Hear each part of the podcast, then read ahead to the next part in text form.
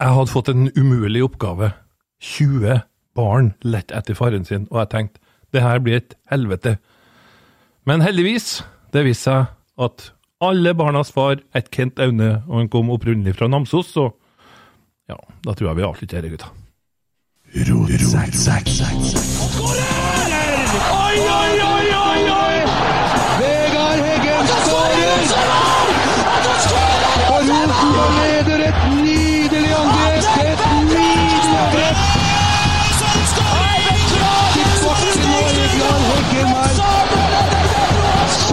Se det synet! er det vakre synet!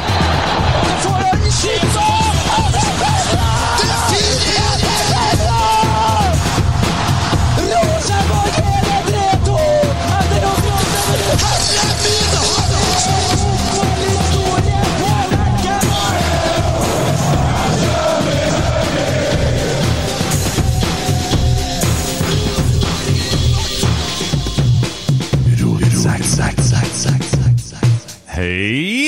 Hallais. Dæven, Tore, du koka jo i det du kom inn. gjorde Jeg tenkte det var rart. Jeg skulle ha trykt opptak i det du åpna døra. Du koker jo, du! Ja, jeg gjør det. Og jeg la jo alle de brevene som jeg hadde fått angående der borte, eller, Tusen takk. eller permene.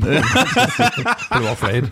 Så der jeg hadde Jeg lette etter det lenge. Ja, jeg vet det. Jeg har jo spilt uh, veldig mange konserter, og jeg har jo aldri hatt gjesteliste, men jeg har hatt nekteliste. Det skjønner jeg Og, godt. og der står du.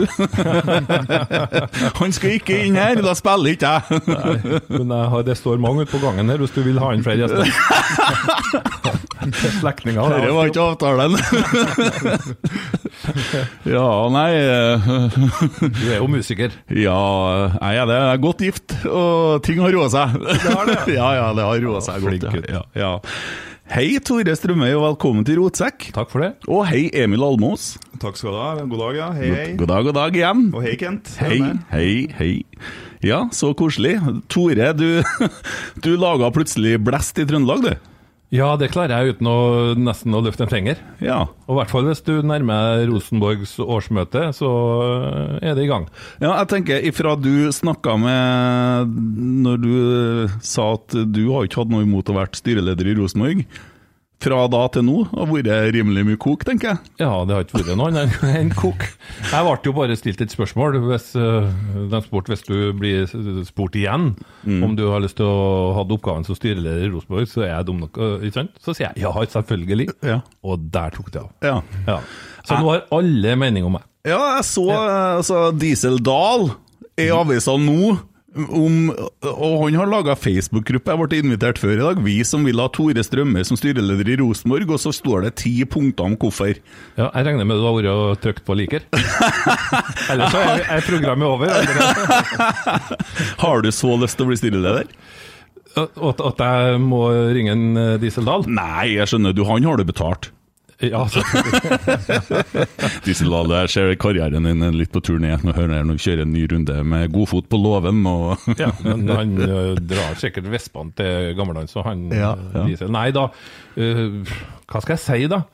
Eh, jeg syns at oppgaven er veldig spennende. Men jeg skjønner jo òg at folk stusser på at en Tore skulle eventuelt være styreleder i Rosenborg. Det høres ikke ut som det henger på greip. Mm. For folk eh, ser på han der, ja, men det er bare han raringen på TV-en som holder på med Tore på sporet. Mm. Og det er klart, når man ikke kjenner meg, og det er jo lett det, at sånn er vi jo alle sammen, at vi, vi dømmer jo folk ganske raskt. Mm. Og sier at han der er håpløs, uh, uten at du har sjekka hva er det han Tore mm, kan, og hva han holdt på med. Så kanskje du finner ut noe annet. Men ja, jeg har, ville gjerne ha prøvd meg på den oppgaven. Mm. Jeg har eh, det, Mitt forhold til deg, da, det er sånn eh, bortsett fra hvis Grekk og Gru, eh, så, så har jeg Første tanken som slår meg, det er at du hjelper DDE med karrieren sin. Ja. Det var du som oppdaga dem. Det var jeg som oppdaga dem. Jeg sendte DDE av gårde til himmels, og der ser du. Jeg kan eh, ta en gruppe mannfolk og sende dem til eh, opp i stratosfæren. Ja, så jo det. Så det, er ikke, det trenger ikke å være så vanskelig. Og du hadde en kar til der, skjønner du, som oppdaga. Og han heter Even Moen Jensen, husker du han? Eh, Det var vel en liten gutt? Ja, han spiller trommer i bandet mitt. Å, gjør han det? Ja da. Da må du helst gutten. Han eh, spilte trommer på en DD-sang sammen med DD. Det, ja, det var koselig. Ja, det var koselig. Ja. Eh, ja, og du har jo Jeg har jo hørt deg du var i podkasten Var det i Heia fotball du var med? Det er lenge siden, men da snakka jeg sikkert om både Rosenborg og Cardiff. Ja, du gjorde det. Eh, og Kappgang. Og Kappgang, ja ja. Og Frøya. Og Frøya. Mm. Ja. Jeg er mer glad i Halten, jeg. Ja, men Halten er Frøya. Mm. Jo, men Halten er det liksom eh, Jeg vet ikke hva jeg skal si. Jeg var der når Borghild og Harald Stua bodde på Halten. Var det? Ja. Fantastisk. Har du sett Halten-boka? Eh, nei, det har ikke jeg sett, men jeg har møtt både Harald og Borghild den gangen de var utpå der, og likeens etter at de kom tilbake til Eller flytta inn til Frøya òg. Ja. Jeg tror ikke det var noe for en Harald, for å si det sånn. Nei. Nei, han venta bare på at det skulle bli vær fint nok til han kunne få trekke utover til Halten igjen, så han, han hørte hjemme der. Ja. Nei, vi var der på klassetur når jeg gikk i ferdig. Vi skal ta kort bare om mer, Emil. Jeg ser du sliter nå. Jeg skjønner ikke noe her, jeg. Nei, Men, eh, Halten det er fineste plassen på jord. Ja, riktig. Ja. Og, og jeg var der på klassetur i fjerdeklassen, og da, da var det ett par som bodde på øya der, og det var Norges minste butikk. De hadde eget postkontor. Rett etter vi var der, så skulle, var det BP som skulle kjøpe opp det der. Det var et eller annet som holdt på å skje. Så skrev klassen min brev til fylkesmannen. Sendt til fylkesmannen, og fylkesmannen lovte å ta opp saken til ny vurdering, og det ble til slutt eh, det her Haltens venner og herre Ja, ja. Og det står om det i Halten-boka, etter at den klassen var der. Jeg gikk i den klassen. Jeg skulle bare ha fram det, det var viktig å få fram, syns jeg. Ikke sant? det står, Ja, ja, trykker jeg. Hæ? det står sikkert i samme boka at Tore har gifta seg på Halten. Ja, det er mulig det står. Jeg leste. Jeg leste bare om meg sjøl.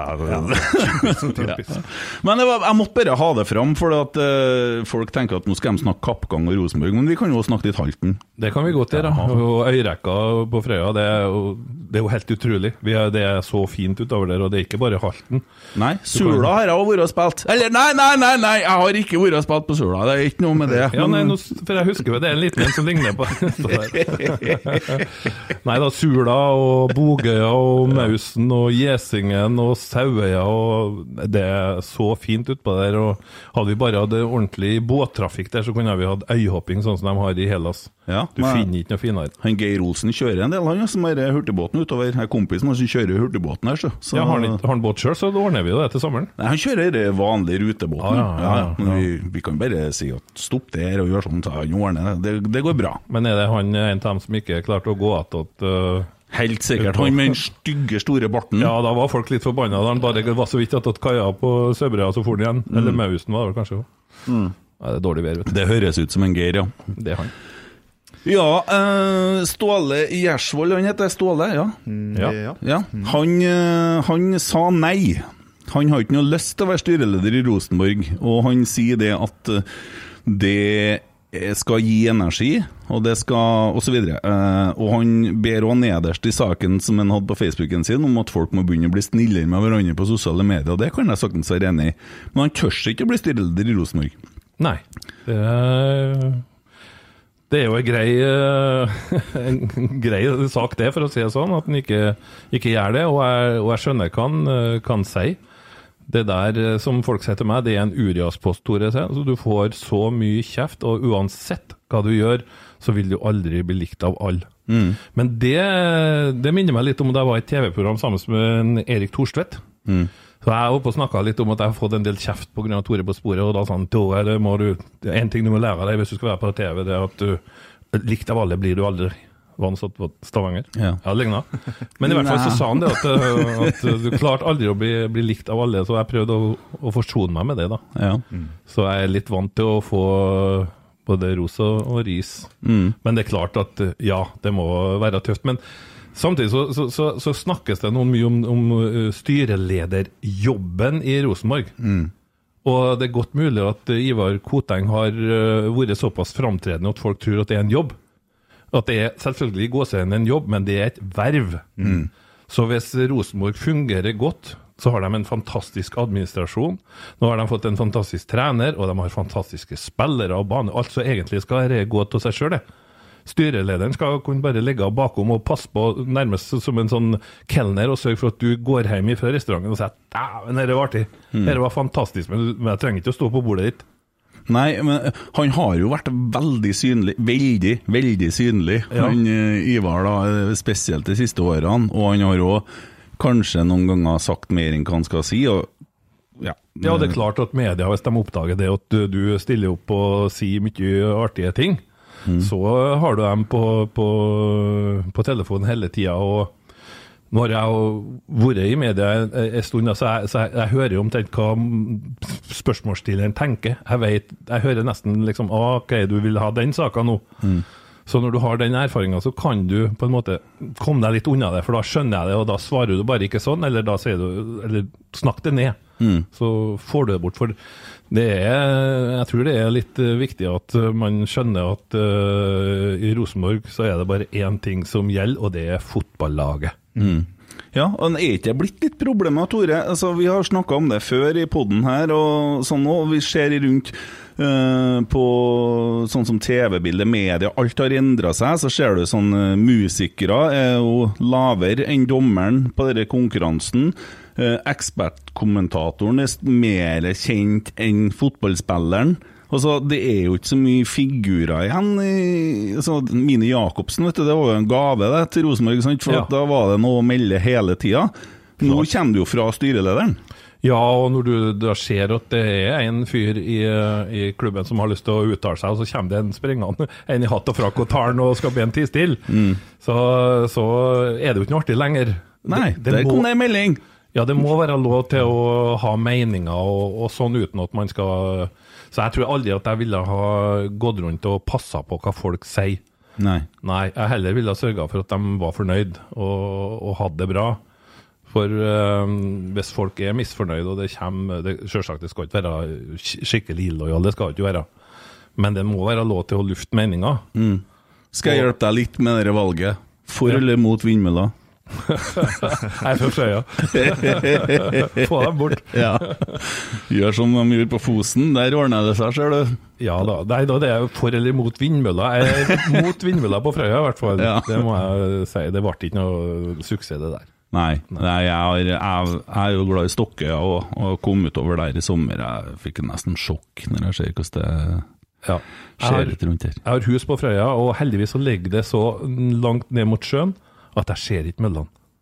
Det var helt fantastisk. Eller turbinene, som frøværingene vil si. Hvis jeg kaller dette sånn snilt som møller, så kommer de til å skjøte meg. Ja. Så de sier det heter vindturbiner, og Ja. that's it. Det, det, den rettelsen har jeg fått noen ganger òg. Ja. Hvordan går det, Emil? Jo, det går fint. Jeg sitter jo jeg prøver, skal prøve å inkludere deg litt. ja, jeg jeg. Tore Strømøy og Kent Aune i studio, vet du, så Ja, det- det er- ikke vits at jeg prater. Det her er et møte folk har venta lenge på, skjønner du. Mestermøte. Nei, jeg sitter bare og koser meg og hører på. Ja. Skal være med og prate litt òg, ja, tenker jeg. ja, ja. Du har jo litt oversikt over eh, ting som beveger seg i eh, Fotball-Norge og Twitter-jat og alt mulig sånne ting. Hvordan er din opplevelse av siste døgnet på Twitter etter Tore har sagt at jeg kunne ha tenkt meg å være styreleder i Rosenborg? Jo, eh, Inntrykket mitt er at det er veldig polarisert. da. Det er litt som du sa i stad, Tore, at det enten så er jeg hylleste, eller så er jeg det dummeste folk har hørt. Så, um, eh, og det er litt eh, sånn god miks av begge de meningene. Otto Ulseth var ute og meldte noe annet nettopp. Ja, han, han, eh, han gjorde det. Jeg vet ikke hva jeg skal si om det. Jo, da. men han- har lansert Trond Giske Ja, som styreleder i gjorde Mm. Og det er klart at det er en klubb som det har vært mye støy i. Ja, Eh, og så og- skal de slå sammen herre og dame. Ja, det er i hvert fall altså, Dere der er jo en egen sak, og jeg skal passe meg litt nå. For at uh, det er mye følelser. Og dere der med at eh, vi er et lag i sort og hvitt, det begynner å stemme veldig bra på følelsene. Det Altså, det, det er, det er jeg har laga en sang eh, som jeg skal faktisk vise fram litt, og, litt etterpå. Eh, fordi at du, du er jo på en måte første idoldommeren som var sånn Du oppdaga litt folk og sånn. Jeg fikk ikke muligheten til å komme på denne låven, men jeg er nå her. Så se der. Det- Rotsekkfansen de kommer utom ruta, og det, det begynner å bli vant med. Eh, det skjer ofte, skjønner du, Emil. Ja, ja. ja, ja. Nå er jeg med å tømme bilene våre. Det er det andre. altså. Nei, det er min bil! Ja, ja, men bare ta! eh, hvor var jeg? Jo! Ny sang. eh, ja, og, og sort-hvitt. Og, og du ser nå Jeg skjønner jo at eh, Otto syns at uh, Otto Ulseth har vært gjest her òg, virka jo fornuftig da. Eh, og jeg er glad i Tro- Trond Giske. Altså, jeg har møtt han og spilt sammen med han. Ja da. eh, og vi har òg vært på nachspiel i lag. Eh, Så det kan vi snakke litt mer om etterpå. Ja, det var det jeg tenkte jeg skulle ta opp det Ja, nachspielet. jeg har noen tips. Men til et nytt program. Det kan bli ganske kult. Det blir, blir veldig mye veldig, Får veldig bra- seertall, vil jeg tro. Mange, mange som er nysgjerrig. Men eh, han er en fin fyr. eh, men det ville jo ikke ha bidratt til noe mer ro i Rosenborg. Nei. Det er jo galskap! Så er han jo eh, nå, jeg, jeg, vet ikke, altså, jeg vet ikke nok om en Trond Giske til å mene om han skal være styreleder i Rosenborg eller ikke. Han er så flink politiker at eh, Jonas Gahr Støre fikk ham fjerna fra Arbeiderpartiet. Ja, ikke sant? Ja. Men, han, men han er nå ikke Inntrykket mitt er at han er ikke så veldig godt likt i Trondheim. Nei, både òg. Det blir litt sånn polarisert, det òg. Ja, han har jo blitt leder av et sånn lokalt lag her nå, da, Nidaros arbeiderlag. Og ja, folk har jo meldt seg inn all over, så de har jo blitt ganske svære, da. Ja, Men hvis, eh, hvis formålet er å ha mer fokus på det sportslige, og ta det litt vekk fra styrelederen, Da er Trond Giske feil. da er det feil mann. Veldig feil. veldig feil. Ja. Tror du lista til valgkomiteen er veldig kort? Den begynner i hvert fall å bli kortere, tror jeg. Ja, du vet jo litt om det, men det skal, vi har jo ikke lov til å spørre om det, for du, lov eller du kommer jo ikke til å si noe om det likevel. Jeg kan ikke å lyge. Nei, å. Oi. Har du snakka med Jo Erik Øverby i det siste? Ingen kommentar. Det er jo ikke løgn. Nei, nei, nei det, er jo, det er jo en sannhet, det. Sånn. Eh, det, akkurat dere var en veldig god søknad til å bli styreleder i Rosenborg. burde sagt Det Det ordet du nettopp sa, ingen kommentar, det er det mange som har etterspurt det siste halve året. Men for å si det sånn, det blir det eneste jeg kommer til å si ingen kommentar på òg. Ja. Ja. Og altså, Du kommer til å si ja, han er en veldig god trener, hvis noen spør om, om to år, når Kjetil Rekdal har vært til Tyskland og Ja, vi får se. Men jeg har, øh, jeg har jo hatt tru på Kjetil Rekdal. Jeg tror ikke han er så dum. Jeg syns jo den ansettelsen var grei. Jeg, syns faktisk det. og jeg har på diskutert før øh, hvem som burde komme inn, og, og, og har nevnt Kjetil Rekdal. Men han er jo en annen type, en, kanskje litt mer sånn manager-type enn eh, trener-type. da, og Han vet i hvert fall hvor han vil at skapet skal stå hen. Og jeg tenker at uh, kanskje er det er det, er det bra med en uh, sånn mann? Og han har jo gått og sikla på å trene en toppklubb. Det høres ut som en annen der. Han ville jo, han ville jo gjerne ha jobben. Ja. Ja, Og det er ikke så dumt at du ønsker en jobb hvis du skal gjøre en god jobb. Det Nei, tror jeg. Hint, hint. Ifølge Åtte Ulseth i samme artikkel så så jeg at han mente at du må jo få overtalt dem til å ta jobben. Ja, men det var det som var min sånn tanke når jeg sendte deg melding i går. Eh, På den relativt lange meldingstroen som vi har, kan du slette meg fra den der eh, speed dial-knappen din nå, for du trenger ikke ringe meg først hver gang. Du legger på favoritter, ja. Men det, du er den første jeg sjekker når jeg får inn et sånn uh, unge etter et nachspiel. her har vi Nord-Norge 2003. Du, eh, jeg ringer først. eh. Kent, send meg tullelista di. Uh, ja, eh, vi har fått inn mange spørsmål, uh, så vi kan jo bare bryte på litt der. Og sitte og vente på at jeg skal ta inn sangen, du, Emil. Ja, ja, ja, altså det er ikke noe hemmelighet at jeg har et uh, ganske tett forhold til den sangen. Da. Ja. Så jeg gleder meg til det, jo. ja. Vi venter litt. Rønne. Ja. Ja. ja, ja, ja, det styrer du. Ja, jeg ja. Vi bryter på oss noen spørsmål. Først så har vi jo selvsagt Hvem tror du jeg har i det første spørsmålet fra? Eh, en i nær slekt med deg? Veldig nær slekt, ja. Det er min åndssvake lillebror. ja, han er ikke helt Altså, mamma datt. Okay. Ja. Eh, Jonas, han spør da du var styreleder i Byåsen, opplevde du tre protestoppsigelser Han påstår det her nå. Tre protestoppsigelser fra lege, fysio og oppmann. De ble varsla mulig søksmål fra tidlig daglig leder.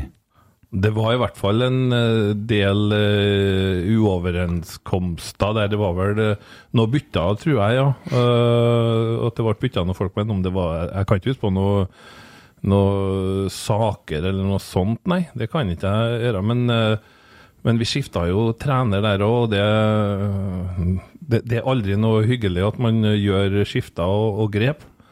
Men eh, noen ganger så, så må du gjøre det, og som leder så er du nødt til det å være med på det noen ganger. Og, og gjøre noe skifter. Og, for å Ja, vi fikk nå i hvert fall eh, laget helt opp, eh, opp i teten og ut i Champions League, så helt rævgale kunne ikke ha vært. Men, men det er klart, Ja, Han følger jo opp. Er det noe du angrer på, eller eventuelt har lært av i forhold til det der? Det eneste jeg har lært, eller det jeg har lært mest av i, i, i Byåsen, det er vel hvor tøft det er å være leder i en klubb med lite penger, og der de i gåseøyne ansatte bare vil ha mer og mer. Det er ganske tøft når, når det kommer en øh, 17 år gammel jente med foreldrene på, på hver sin side og står foran deg og sier at nå har jeg slitt og ofra så mye for denne klubben at nå må jeg få lønn. Og det skal være en halv million i året. Og så sier jeg, men hvor skal vi få tak i de pengene fra? De trekker jo ikke noe tilskuere her, vi, vi tjener jo ikke penger. Det er ditt problem. Da blir du populær. Ja, så jeg har fortsatt uh, en sånn magesårgreie etter Byåsen som aldri går bort, og det er sant. Jeg går på medisin jevnlig. Og da følger en Jonas opp med hvordan skal du da takle en så stor klubb som Rosenborg? Jeg tror magesåret til Nyvar er større. Ja, ja men, men, men den der at du aldri vet om du har penger til lønningene, uh, som, som vi hadde der, uh, det tar på. Eh, Rosenborg har vel en litt eh, mer robust eh, økonomi. Og skulle jeg havne i den rollen, så tror jeg at vi skal jobbe for å gjøre den enda mer robust. Vi burde, Når Kolstad og sånne kommer og sier at de skal ha en omsetning på 100 millioner, så må jo vi jo plusse på litt. Grann. Ja. Uh, jo, og jeg, min, mitt søskenbarn Brynjar Aune han var jo daglig leder i Ranheim. og Jeg har jo veldig nær kontakt med Brynjar, og jeg vet jo hvordan han hadde det de dagene han måtte ned i garderoben og fortelle guttene at sorry gutta, det er ikke penger på konto, dere får ikke lønn. Eh, og det skjedde ganske ofte, men eh, de fikk jo retta opp det en stakket stund. Eh, Så får vi se hvordan det blir med dem videre. Jonas har eh, et par oppfølgingsspørsmål. Er du like god til å finne spillere som fedre og mødre, spør han. Absolutt ikke. Eh, Når det gjelder spillere og sånn, så er det en jobb for eh, manager, trener og, og den sida der. En styreleder trenger ikke å holde på med det hvis du har gode nok folk. Da ordner de dere sjøl, og så kommer de til oss. Og Det blir omtrent som å ha unger, de kommer og skal ha penger Ja. til å betale. Og så spør han til slutt slår du to fluer i en smekk siden du sitter i studio med Kent. Ja, det var vel masse fluer. Ja, Vi har jo et langt møte etterpå. Vi. Det, blir jo, det blir jo en egen programserie. Det blir jo en egen sesong. Jeg. Det er ingen tvil om at den er inne på noe, i hvert fall. Ja, det, det er helt sant. Eh, skal vi se Og så er det en som heter Daniel Sandbekk. Han eh, gir en kommentar. Eh, hvis du er like flink til å styre en klubb i riktig retning som å lage taco, så må det her bare bli bra. Ref. Sandra. Eh, Det er Sandra, dattera mi. Ja, ja. Og eh, det, ja, ja. Det hvis hun skryter av mine kokkekunnskaper, så har jeg rett. Jeg har jo vært alene med tre unger i mange år og måtte ha lært meg å lage mat. Og, ja, så, så jeg mener at jeg er god. Jeg er uslåelig på brun saus. Ja, ja, ja. ja, Enda i dag så kommer ungene hjem og sier at ja, når de har vært bestemor eller mora, men brunsausen var det noe galt med. Men, eh, men bruker du sånn sukkerkulør, da, eller er det Ja, det er for å få fargen, ja. Ja, Men jeg lager fra bunnen av med mjøl og smør og det hele, ja. Ja, ja, ja. Ja, ja, både brun og hvit saus. det sitter jo en gourmetkokk der, vet du. Han er jo Nei, hobbykokk i beste fall. Om du er glad i mat. Veldig, ja, glad i mat og glad i å lage mat. Jeg fikk tak i noe elgkjøtt nå fra Budalen, sier du det? så det var godt. Altså. Så har jeg fått i krabbe fra Frøya og torsk fra Mausen. Så jeg òg liker å lage mat. Ja, ja, ja. Nei, Kjempe, det, vi kjempe. er, og så er vi så heldige som bor her i Norge og har eh, tilgang på fantastiske råvarer. Ja, det er sant. Ja. Kristoffer Myhre han spør uh, om jeg er redd for at du sporer opp nye ukjente avkom etter meg. og Det, Det har du vel klart sjøl, Kent? ja, jeg er jo, jeg er jo redd. Eh, Som, det er jo mange spørsmål til meg her òg, skjønner du. Det, det, ja, det, du Jo, begynner etter hvert å skjønne. Jeg tuller jo ikke når jeg sier at, det er to, altså at jeg sitter med to stjerner i studio her. Det er jo Kent Aune og Tore Strømme. Er omtrent like stort. Hørte du hva jeg gjorde for uh, noen måneder siden? Nei. Jeg var så sikker på at, uh, at eh, Kjetil Knutsen kom til Rosenborg, at jeg tok den sangen som du ba Dag Ingebrigtsen å lage, og Ja. skrev om. Så det var 'Velkommen, Kjetil Knutsen, du blir nummer én', og ja, at snøen ligger hvit i klokkesvingen. Og alt. Og dere hivde jo TV2 seg på, så jeg kom jo, ble jo nettsak på TV2 og greier, da. Ja. Og den ser jeg jo nå, da, for å si sånn, innimellom delt av det Bodø-folkene. Så jeg måtte jo bare legge meg langflat. Så jeg skrev om da en ny sang. Tok jeg jo uh, Halvdan Sivertsens 'Kjærlighetsvisa', og så laga jeg en liten sånn egen rent på det, da. Uh, så vi har hatt en sånn liten sjargong på det her, men eh, Prøver du å konkurrere med han inn på Ra Ra Ranheim? eller? Nei, vet du, det gjør jeg ikke. Jeg laga Ranheim-sang, forresten. det? Ja, det er jo mange år siden. Den, det er jo en ordentlig sang. Det er jo ikke sånn ræl som man holder på med. Nei da, jeg skal vise deg etterpå. Vi skal ikke snakke om musikk, man må føle det. Sant, Emil? Ja. Uh, skal vi se Kåre Holen spør hva tenker du om organiseringa i klubben, og hva rollen til sportslig leder skal være i forhold til hovedtrener? Eh, ja, jeg Nå er jeg jo ikke så veldig har vært inne og studert klubben, men med Kjetil Rekdal så kan man jo stille spørsmålet er den der sportslige lederen så viktig, eller burde den skal øh, overgi rollen til han, som er en slags sånn manager, da. Men det er klart at, at organiseringa i klubben, den, eh, den må du jo se på. Jeg ville ha begynt å starte allerede og kikka på, på administrasjon. Og jeg ville ha kikka på SalMar-akademiet, der jeg ser det er voldsomt masse trenere. Og jeg ville ha kikka på alle sånne for å for se om eh, folk er Mm. Om ting fungerer godt, og om folk er på de rette plassene, om det er ting du kan gjøre bedre. For det er jo det, er jo det du må gjøre. altså Dette ja, gir et bedre resultat for spillerne og på banen. Men akkurat det med, med sportslig leder, det er, jo, det er jo mange som mener at, uh, at det snakker, taler så mye svenska i, i Rosenborg nå, at, alle, at det kunne være hel, heldig med litt flere trøndere. Nå er jo ikke Kjetil Rekdal noen trønder, men ja, sånn reservetrønder neant der, men uh, det spørs, ja. Det skal bli artig å uh, se hvordan det går med Rekdal og svensken. Mm, ja, det blir interessant. Og det, han er vel litt innpå oppfølginga si her. Skal trenerjakt være noe styret driver med, eller skal sportslig leder drive sånne prosesser? Jeg ville jo ha satt pris på om det var sportslig leder og det sportslige som gjorde det der, og sammen med administrasjon. Eh, du kan ikke forvente at alle som sitter i styret skal ha, sitte og ha oversikt over ledige trenere og alt mulig sånt. Man skal vel blande seg minst mulig inni det, og dess mindre han trenger å blande seg, dess bedre flyter vel skuta, vil jeg tro. Så jeg ville jo satt pris på at eh, at vi bare har fått eh, noen navn og en overbevisende greie på bordet, og så vi kunne ha sagt ja, der er vi enige.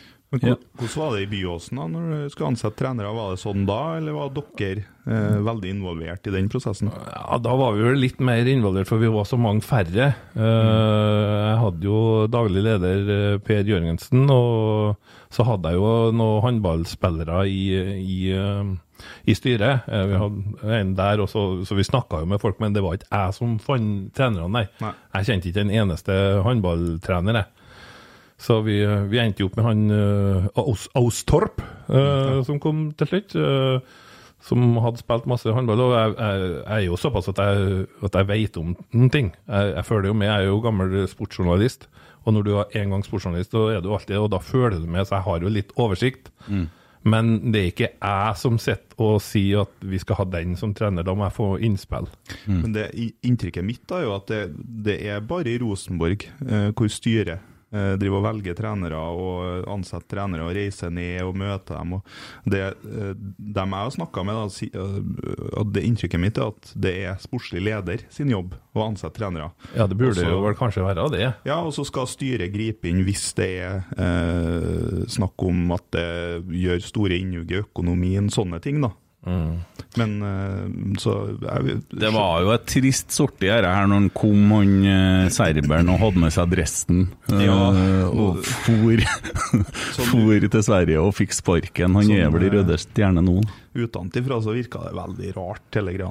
Ja, og da er det jo på en måte håndteringa her, da, med en mann som sitter ved roret og skal, skal på en måte styre det skuta her, da. Og da blir jo folk så forbanna at de gjør det som jeg sa da. De begynner, altså, Rosenborgerne begynner å slå hull i båten fra innsida. Ja, Altså, du må være litt sånn som foreldre, vet du. Det er greit. Ungene må få lov til å bestemme ting sjøl. Så kan jo du være der da, som en sånn uh, styre dem litt, grann, men, men målet må jo være at de klarer seg sjøl. Og, Ja. og dem som har mest greie på det, tar de avgjørelsene der. Det, må, det føles kanskje litt rart for en bankmann og en revisor å sitte og skal ha oversikt over hvilke trenere man tror passer best for det laget der. ja, men det, jeg skjønner ikke hvordan det her blir styrt. For Men det er jo sånn de har gjort det i Rosenborg. Ja. Virker det sånn, da? Ja. Det kan i hvert fall ha virka sånn fordi at uh, styreformannen da kommenterer alt. Mm. Og da høres det ut Ja, det vi sitter nå der nå og skal finne på det, så det høres jo sånn ut. Det, det gjør det jo. Men uh, jeg tror ikke jeg ville ha lagt meg på den linja. Nei. Har du fått med deg det her med det brevet som er skrevet? Uh, som ble delt i media. Uh, var det før jul? Ja, det var selvsagt før jul. Eh, det er signert over ja, 300 medlemmer, som forlangte at hele styret stilte plassen sin til disposisjon. Jeg har fått med meg det, det her at det var noe banner og sånn, øh, og jeg så et intervju med Koteng der han ble spurt om, en, om det gikk inn på han, Mm. og da sa han nei. Og da tenkte jeg det ville ha gått inn på meg. Det, Mm. Det ha var, han eh, sa at det er 25 stykker som har sendt et brev. Det er ikke det. Det er over 300 stykker som har blitt nye medlemmer våre siste, siste dagene. Og eh, det brevet er jo forfatta av to grupperinger i supportermiljøet. Det ene er Rosenborg velforening, som noen som kaller seg, og så er det en som heter Falkenkameratene, som eh, er en, og en sånn hva skal jeg si, vokter for verdier, verdigrunnlag og sånne ting. da. Og så er det jo ofte du ser veldig polariserte diskusjoner. Det som skuffa meg, var at den på en måte sa «Nei, om 25 medlemmer mener. Altså, det var, ble jo 300, da. Og så hadde ikke jeg noe med banneret å gjøre i hele tatt, det Nei. brevet. Det var jo media som eh, linka dem to sammen, og så beit en Koteng på den. da. Ja, og så har du jo våre venner i Trollprat da, som dro det litt langt da, så tok på seg noen sånne sølvhatter og satt og trua, og det ble kaos. Det det, Nei, men eh, engasjement er kjempefint, det, og mange ganger så er det, er det berettiga. Det er viktige eh, ting som de kommer på bane med, som kanskje ser at du er litt ute og, og, og kjører. Men, eh, men så er det jo jammen ikke lett å gjøre alle til laks heller. Og, og hvis man skal ta til seg alt som noen har bestemt seg for, så, så, så, så får du da nok å gjøre. Men og, det er mye lettere å sitte og fortelle alt som er galt, men det kunne kanskje vært bedre om man snudde på det og, og kom og fortalte hva vi skal gjøre isteden. Mm. Men hvordan, hvordan opplever du det da, når ting blir veldig så Vi bruker ordet polarisert noe sort-hvitt. da. Følelsene er jo så store, Ja. og det er så mye engasjement, og folk er så forbanna, og alle mener noe så sterkt, og det er alt eller ingenting. Det er av eller på. Eh, og da, da er det jo sånn tydelig sprik, da. Ja, og det er ikke bra for en uh, fotballklubb. Uh, dess mer du kan stå sammen i ei gruppe, det sterkere står du. Kan jo tenke deg hvis du skal angripe en fiende, og de står tett, ikke sant? det er håpløst å slå dem. Men hvis det er noen som åpner et hull her og et, et hull der, ikke sant? så du kan gå inn overalt, så blir jo ikke dette bra. Så, så man må jo tenke litt sånn òg, at man man er ikke akkurat med på å, å gjøre det beste for Rosenborg hvis man bare dundrer løs sånn. Det er flott å komme med, med, med kritikk, men også følge opp med hva man mener er løsninger. Og så er det jo litt eh, er, er det jo litt greit at, at man eh, Noen må gi seg. Hvis det er en som mener at vi skal male veggen svart og den andre hvit, så er det noe i et demokrati sånn at vi ja, ja, vi kan jo gjøre som i Rosenborg, male både svart og hvitt, men eh, ja. Ja. Nei, men er ikke det et sånt symptom på at det er litt Altså, det er, folk er lite samla, og det, det må jo gjøres noe fra Det er jo én plass man må begynne for å så klare å samle folket, og det er jo dem som er valgt av folket, tenker jeg.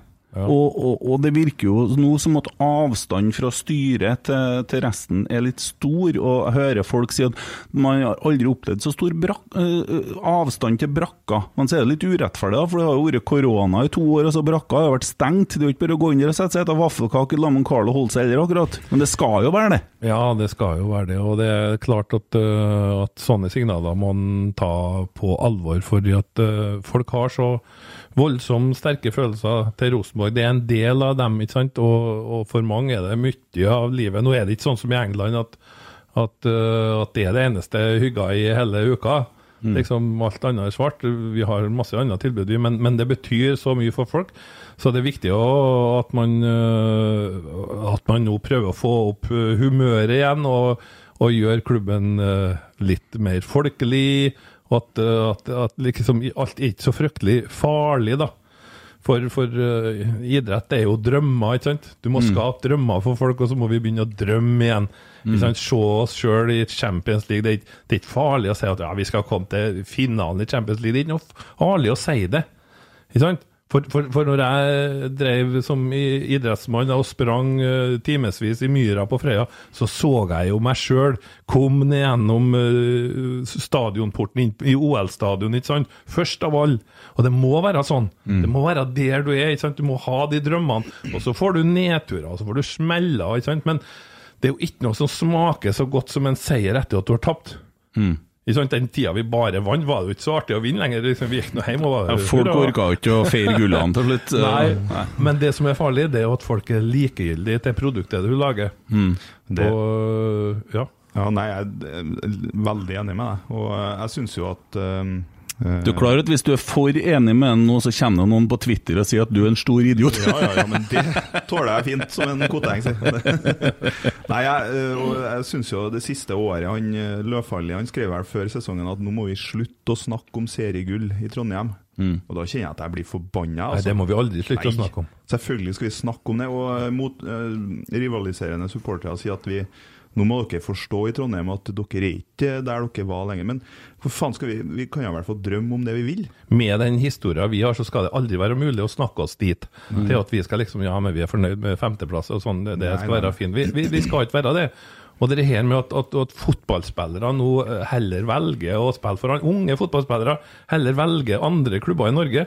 Vet du, Det skjærer langt inn i sjela. Det skal jo være sånn at Den største greia for en ung fotballspiller, det er å komme på Rosenborg og spille på et fullsatt Lerkendal og bli hylla av sine egne. Men det er jo dere agentene òg. Altså, så jo da eh, Bodø-mannen Melkersen skrev Han er jo fra Stjørdal, Ja, ja, ja. Han men han ble Bodø-eiendom. Ja. Det irriterer meg. Og de sitter og sier til meg nå, for at jeg flira jeg skrev på Twitter i dag, eh, at eh, nå har Bodø-folkene begynt å kjøpe seg sånn franske drakter til dette laget han gikk til han Berg, vet du. Så jeg, det er jo stein tullete se for deg at vi skal begynne å gjøre det, kjøpe drakter og følge klubber som våre spillere har gått til. Så skriver en til meg ja, kan det skal være da Singapore-lag, eller? Har de ikke fått med seg hva vi har holdt på med i hele tatt? Tror de altså, Bodø nå de til og med mista F-16-flyene! De har mista Det er sikkert Kjede Knutsen som har stilt noen krav, som måtte fjerne hovedflyplassen opp her. De måtte, Det var ikke noe igjen. Ingenting! Det er ikke noe igjen! De skal jo flytte hele flyplassen, det er jo for en ny, ny bane, sikkert. Ja, kanskje det. Jeg har, men jeg har jo dagens spørsmål her nå, og det er veldig på kanten, men vi tåler det. Vi tåler alt. Jeg tåler det, Ja. du ser på meg. Ja, Robin spør kan du finne Babakar Sar. Ja, vi tar neste spørsmål. Robin? Eh, Da skriver Thomas Kattem Gladseth det er i hvert fall ikke noe han skal bruke tid på som styreleder i Rosenborg, i hvert fall. Nei, Godt poeng. Så skriver en Øystein han skal ikke være styreleder! Og så skriver en Geir Arne. Men skal jeg lese opp den Geir Arne skriver, eller skal vi hoppe bukk over den? Ja, Hvis en, uh, Tore tåler det, så Nei, vi vi, jo men, vi trenger ikke å ta det med. Han lurer på om du er seriøs når du fremmer deg sjøl som kandidat. Ja, det er jeg, men jeg skjønner godt at folk uh, tenker liksom det her må jo bare være tull. For det er for du, at du ikke kjenner meg. Du vet ikke at jeg har en uh, idrettskarriere, at jeg har vært idrettsmann på topplan, reist verden rundt. Jeg har vært på høydetrening, treningsleirer, konkurranser, vært med, skulle være med i OL, jeg har vært med i VM, EM, alt mulig. Jeg har vært trener, jeg har jobba i særforbund, jeg har sittet i idrettskretsen, jeg har vært i Byåsen, og jeg har vært sportsjournalist. Jeg har jobba sammen med Rosenborg i, så mange år. Jeg har bodd nede på uh, brakka der, og, og når de tror at grunnen til at jeg ikke ble valg, valgbar sist, var at jeg aldri har vært medlem, så hadde jeg jo vært det. Men som jeg sier, at noen ganger så hender det seg at du, at du glemmer fristen for å betale uh, strømregninga di òg. Men det betyr ikke at du aldri har betalt før. Så jeg har jo vært medlem i 20-30 år, så, så, så liksom sånn man tror at Tore er helt utafor her, men uh, så derfor Du har jo vært med i Rosenborg-systemet siden 80-tallet, ikke sant? Ja, det har jeg. Jeg Sesongkort og Jeg husker på når jeg sto og så tok imot uh, en liten kar som var nervøs, men jeg leide ham inn. Han het for Carl Petter Løken. Han kom sørenfra og skulle være med her i klubben. Ja. Og så skrev jeg inn en, og det påstår jeg at jeg gjorde, jeg skrev inn en Rune Bratseth på landslaget. Jeg skrev så mange artikler om en Rune hele tida. Til slutt så ringte Røste Fossen til meg. Jaha, vi tar den inn. Så var han på landslaget, og han burde jo selvfølgelig ha vært der for Ja. lenge siden. Men uh, Jo, og altså- jeg var på Lerkendal da Trond Solli gikk opp og hedda i mål til Lillestrøm. da så jeg vet hva klokkesvingen er. Det vet de Ja. kanskje ikke i dag, men uh, dæven, det var mye folk oppi der. Ja. Jeg skal si en ting, Det er mange av dem som kritiserer deg, Tore, som ikke har peiling på hva klokkesvingen er. Og som Ja. aldri har vært der. Det tror jeg. Ja.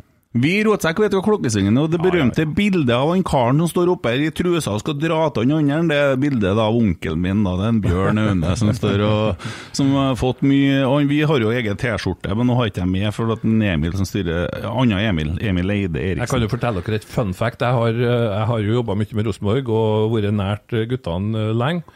Og, og har vært på cupfinaler og sånne intervjuer Nils og alt mulig sånn. Men det var en gang, det var en, jeg tror det var en cupkamp oppå, oppå Lerkendal mellom Start og Rosenborg. Jeg var satt som indre banereporter, og han, eh, han som refererte kampen, sa Tore, nå går du og spør hva Eggen syns om dette her. Jeg tror de lå litt under. Og så jeg tar jeg mikrofonen, og så går jeg opp attmed med Nils, og så sier jeg ja, Nils, hva tror Og jeg kom ikke lenger inn, da så jeg bare fyren løfta knyttneven, og jeg så en kom imot meg, så jeg kaster meg kjennen på haktuppen. Jeg kaster meg bakover på ryggen ut på den eh, rekordtanbanen som var på Lerkendal da, og rulla rundt. Og berga livet. ikke sant? Og så sier jeg at du, kanskje ikke Eggen er i stand til å Ja, men da kan du snakke med, med jeg, Og det var Karsten Johansen. Jeg gikk opp til han, og der kom det pinadø knyttneve. så når jeg lå der da, på ryggen ute på banen, så sa jeg det blir ikke noe mer fra indre bane denne gangen. Det er sant! Ja, det er sant. Og jeg snakka med Nils etterpå. Jeg sier 'Hvorfor slo du meg, Nils?' Slo jeg deg, sier. Det kan jeg ikke Men jeg snakka òg med Nils en gang, og han sier jo vært en kamp, da, og da, da, så sier han 'Fotball er ikke så vanskelig, det er Tore', sier han. Er det ikke det?' sier jeg. Nei, hvis du kan det, sånn. uh, herre min hatt. Det, det har endra seg litt, i landet, tida. Det har det. Ja. Kommer litt flere kameraer på fotballkampene. Se for deg noen smøre til en Joakim Jønsson på indre bane.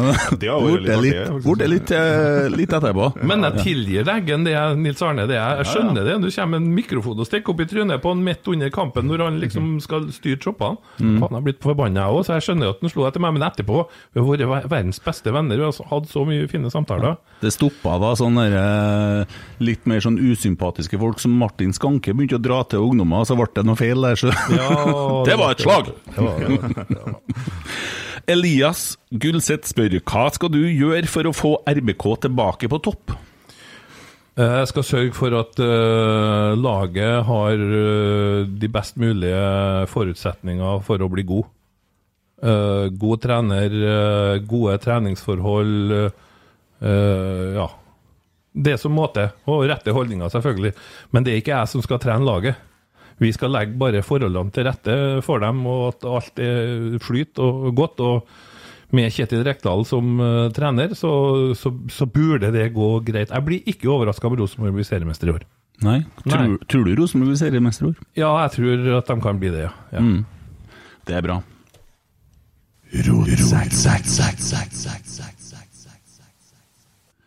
Ja eh, Skal ta denne sangbiten der, da, som vi har annonsert litt. Det, jeg snakka litt om det før jul, at det var kanskje på tide å skrive en eh, sang med egen melodi. da. Eh, og slutte å på å stjele ting fra andre. Og så satt jeg hjemme og tenkte, og så tenkte jeg på deg, Emil. Ja, enn det, da. Ja. Og jeg, jeg vil fortelle hvordan jeg så det. Fordi at vi har jo et litt sånn spesielt vennskap. For vi møttes første gangen på Lerkendal. Oh, ja. Og vi møttes andre gangen på Lerkendal. vi møttes tredje gangen her i studio, så det er veldig rosenborgsk. Ja, det er det. Ja. Og så forteller du meg at jeg sto igjen ei time etter kampen. Jeg sier. Ei time etter kampen? Ja. Står og tar inn litt og får litt atmosfære. Og det, det syns jeg er litt sånn interessant, for at jeg har jo sjøl vært sånn som har møtt opp Jeg og Tommy har jo vært på Lerkendal tre timer før kamp. Vi har sett folk har gått og merka opp banen. Vi kjørte fra Namsos og var tre timer før kamp. Det er liksom sånn der galskap, men det er for å ta inn matta, som vi sa. Men så kommer det plutselig noe bak historia til deg, da. Og det går jo på faren din, eh, for han døde når du var 17. Ja, stemmer. Og som jeg Jeg forteller nå bare, da. Ja, bare fortell, du. Det er kanskje litt feil, det. Nei, nei. Tore har ikke ville gjort det sånn på TV-en. Men, og du finner han på badet, og han har fått hjerteinfarkt, og du får litt sånn eh, ting etterpå. For, ja. Ja, det, litt, det blir jo litt tøft, da, sant? og så får han eh, Når han opplever sånne ting, så tar han jo med seg en del ting i årene som kommer, og Ja. no, noe som henger igjen, og noe går, blir han kvitt, og så ja, går det litt opp og ned, da. Ja. Og så får jeg jo vite at Lerkendal er for deg en av de her plassene hvor du finner den her nærheten, eller Og du sitter på den samme plassen i dag. Ja, sitter på faren Far min, han eh, Som jeg fikk det fortalt, så var han med og han jobba i firmaet som satte opp den Adidas-tribunen i 95, tror jeg det. Og da fikk en eh, førstevalg på sesongkort. Og da valgte han seg ut to plasser, da, som eh, jeg og broren min var med han og satt attmed han. da. Og eh, etter hvert så ble det bare meg og han, og så for nå han. Og eh, da tenkte jeg jeg må nå fortsette å sitte her. Så da har jeg med meg en god kompis da, som har sittet der siden, da, sammen med meg. da. Og innimellom ungene mine igjen. Så, så vi har hatt samme, samme plassene siden 95. da. Mm. Men føler du da, når du sitter der, at du er på en måte har litt i forhold til den biten med pappaen din, når du Ja, sitter det det blir jo litt sånn, da. For det var jo våre eh, plasser, sant. Og når jeg, når jeg kommer dit og setter meg, eller når jeg, når jeg kommer dit, så står jeg alltid litt først foran plassen. Og da får jeg akkurat den samme følelsen som jeg hadde mm. med far min, da. Så det blir litt sånn. Skal ikke bli helt sånn, men eh, man eh, Det er kanskje der jeg kommer nærest han, da. Mm. Det er jo når du hører sånne flotte historier at du skjønner at du driver ikke og kødder med folks forhold til, til fotballklubben. Nei, det er det. Og, og- og så tenkte jeg, her har jeg noe. Dette kan jeg skrive. Så jeg skrev det jeg nå skal spille. Og så ringte jeg Emil på FaceTime, for jeg tenkte at nå skal han få julegaven sin. Så jeg, ja. Og så nå når jeg har da en idoldommeraktig mann her på låven, som godfot på låven, så føler jeg jeg muligheten, for jeg fikk aldri komme på låven og synge, øh, men øh, jeg er her nå. Så tenkte jeg at da skal jeg Og sangen har jeg jo registrert nå, altså. Ja, men det er bra. Og skal til en skjalg og spille inn på lørdagen neste uke. Mm. Eh, navnet har eh, så langt blitt Et liv i sort og hvitt. Vet ikke hvordan lyden ble, men vi tåler litt eh, grums. En liten by, et lite land. Sitter en kar, han har gjort seg klar. Skal være med pappaen sin på kamp. For aller første gang får sitte i pappas fang. I glede og sorg. Vi elsker Rosenborg, et liv i sort og hvitt. Jeg syng for laget mitt. Om skyene grå, vi er alltid RBK.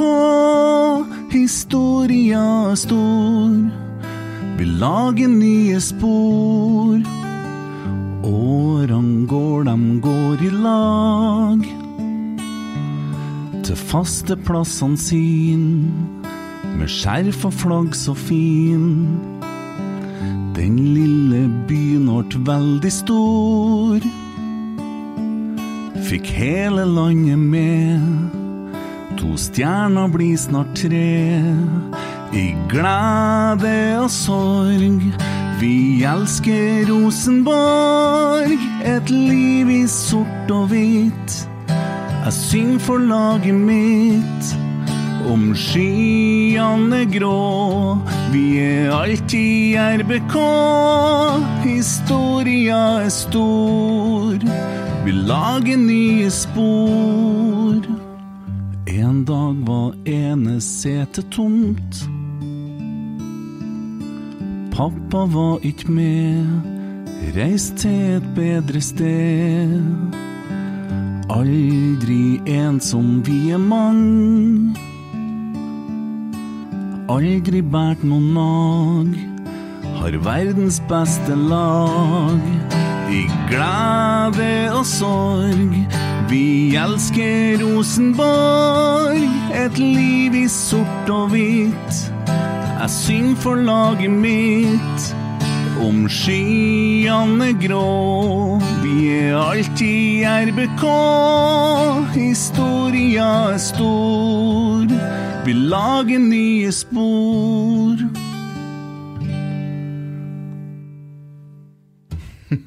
Sånn. Ja, vi burde vel uh, klappe litt.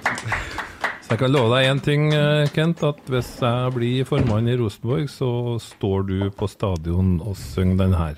Sier det, ja? Ja, hva, hva syns du nå egentlig? Hadde jeg, hadde jeg fått komme på låven, tror du?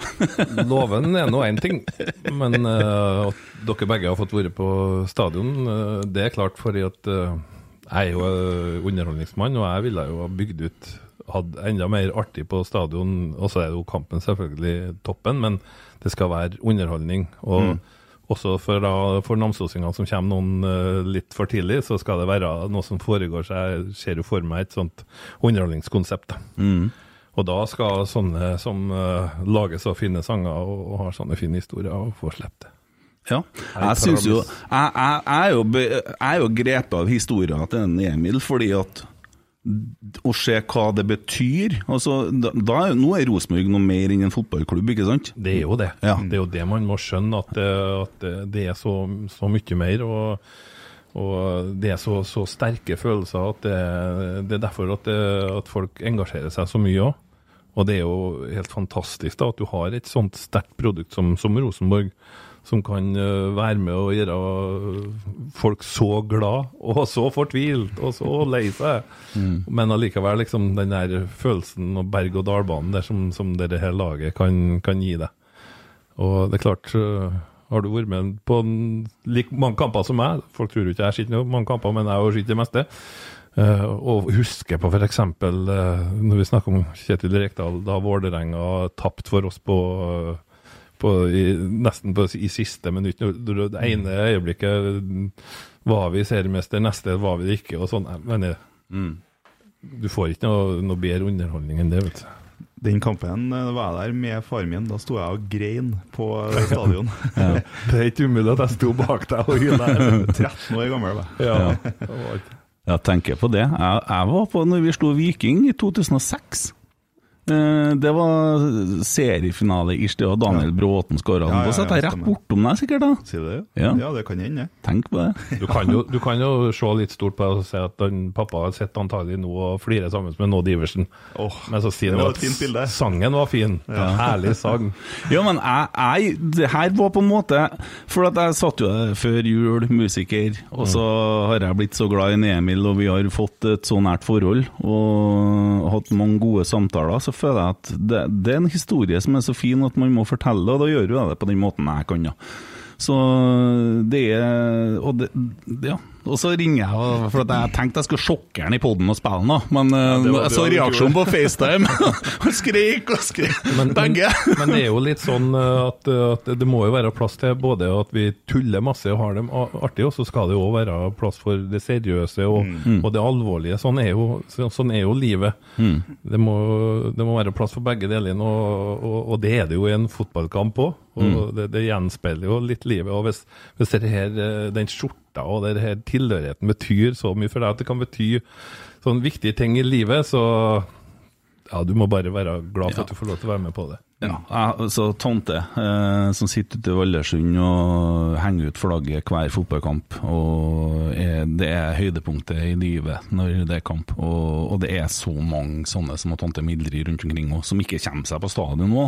Det betyr så mye. Og så er det viktig at laget skjønner det, at de må spille for at tante Mildrid. Ja. For hun, det, det, det, det er for sånnere de spiller, de oppe i Snåsa, de eh, ikke sant, på Røros og Ja. Oppdal og alle som sitter der og og liksom, ja, Da fortjener de at, du- at du gir alt, altså.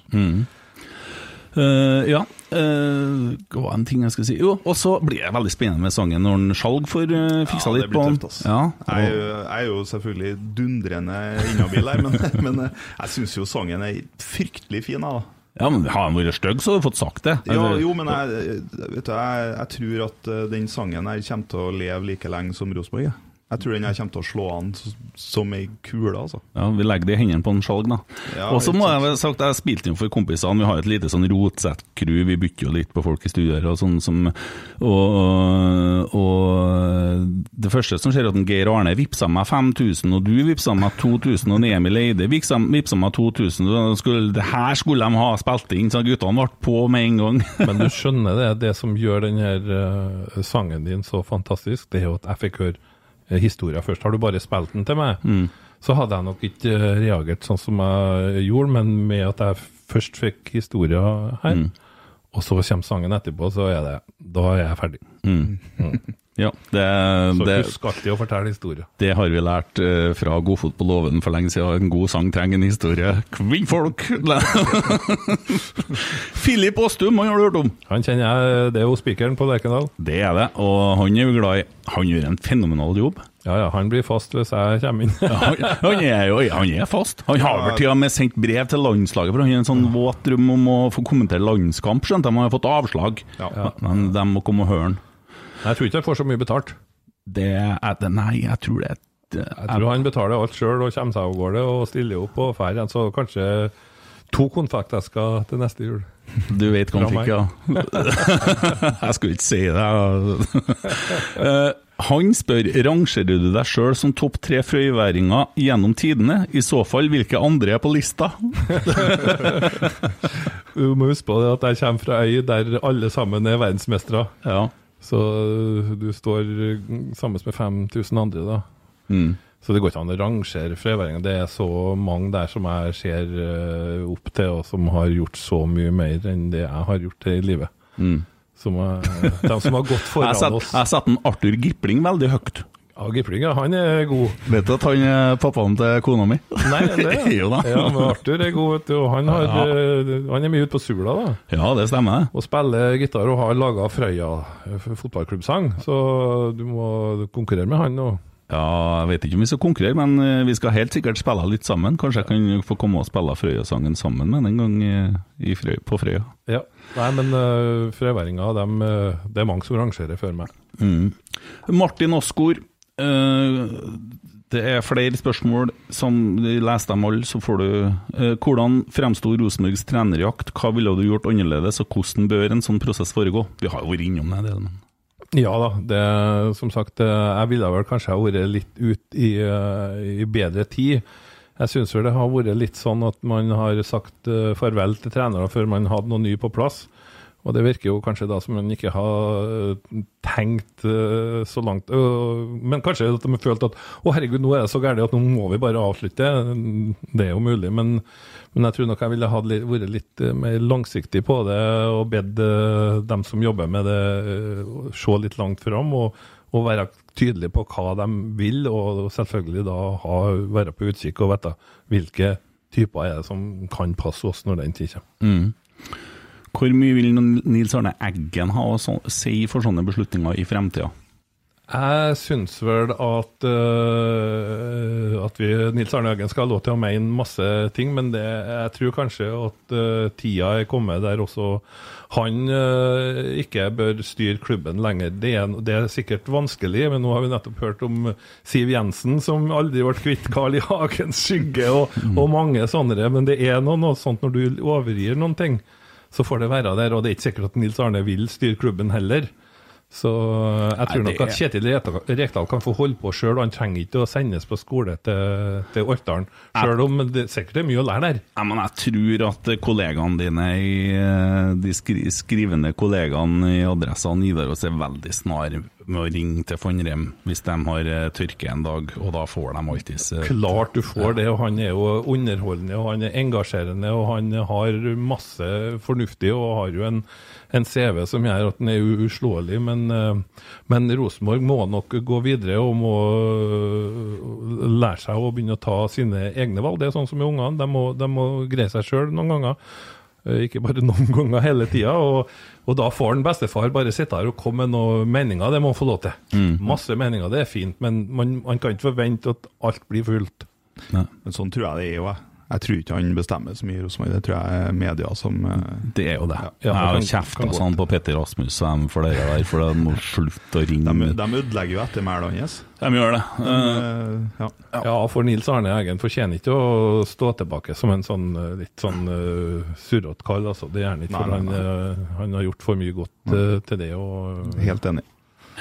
Ossi Uh, Men det skal jeg si, uh, Petter Rasmus uh, sendte meg melding i går, og jeg fikk kudos for dagens booking.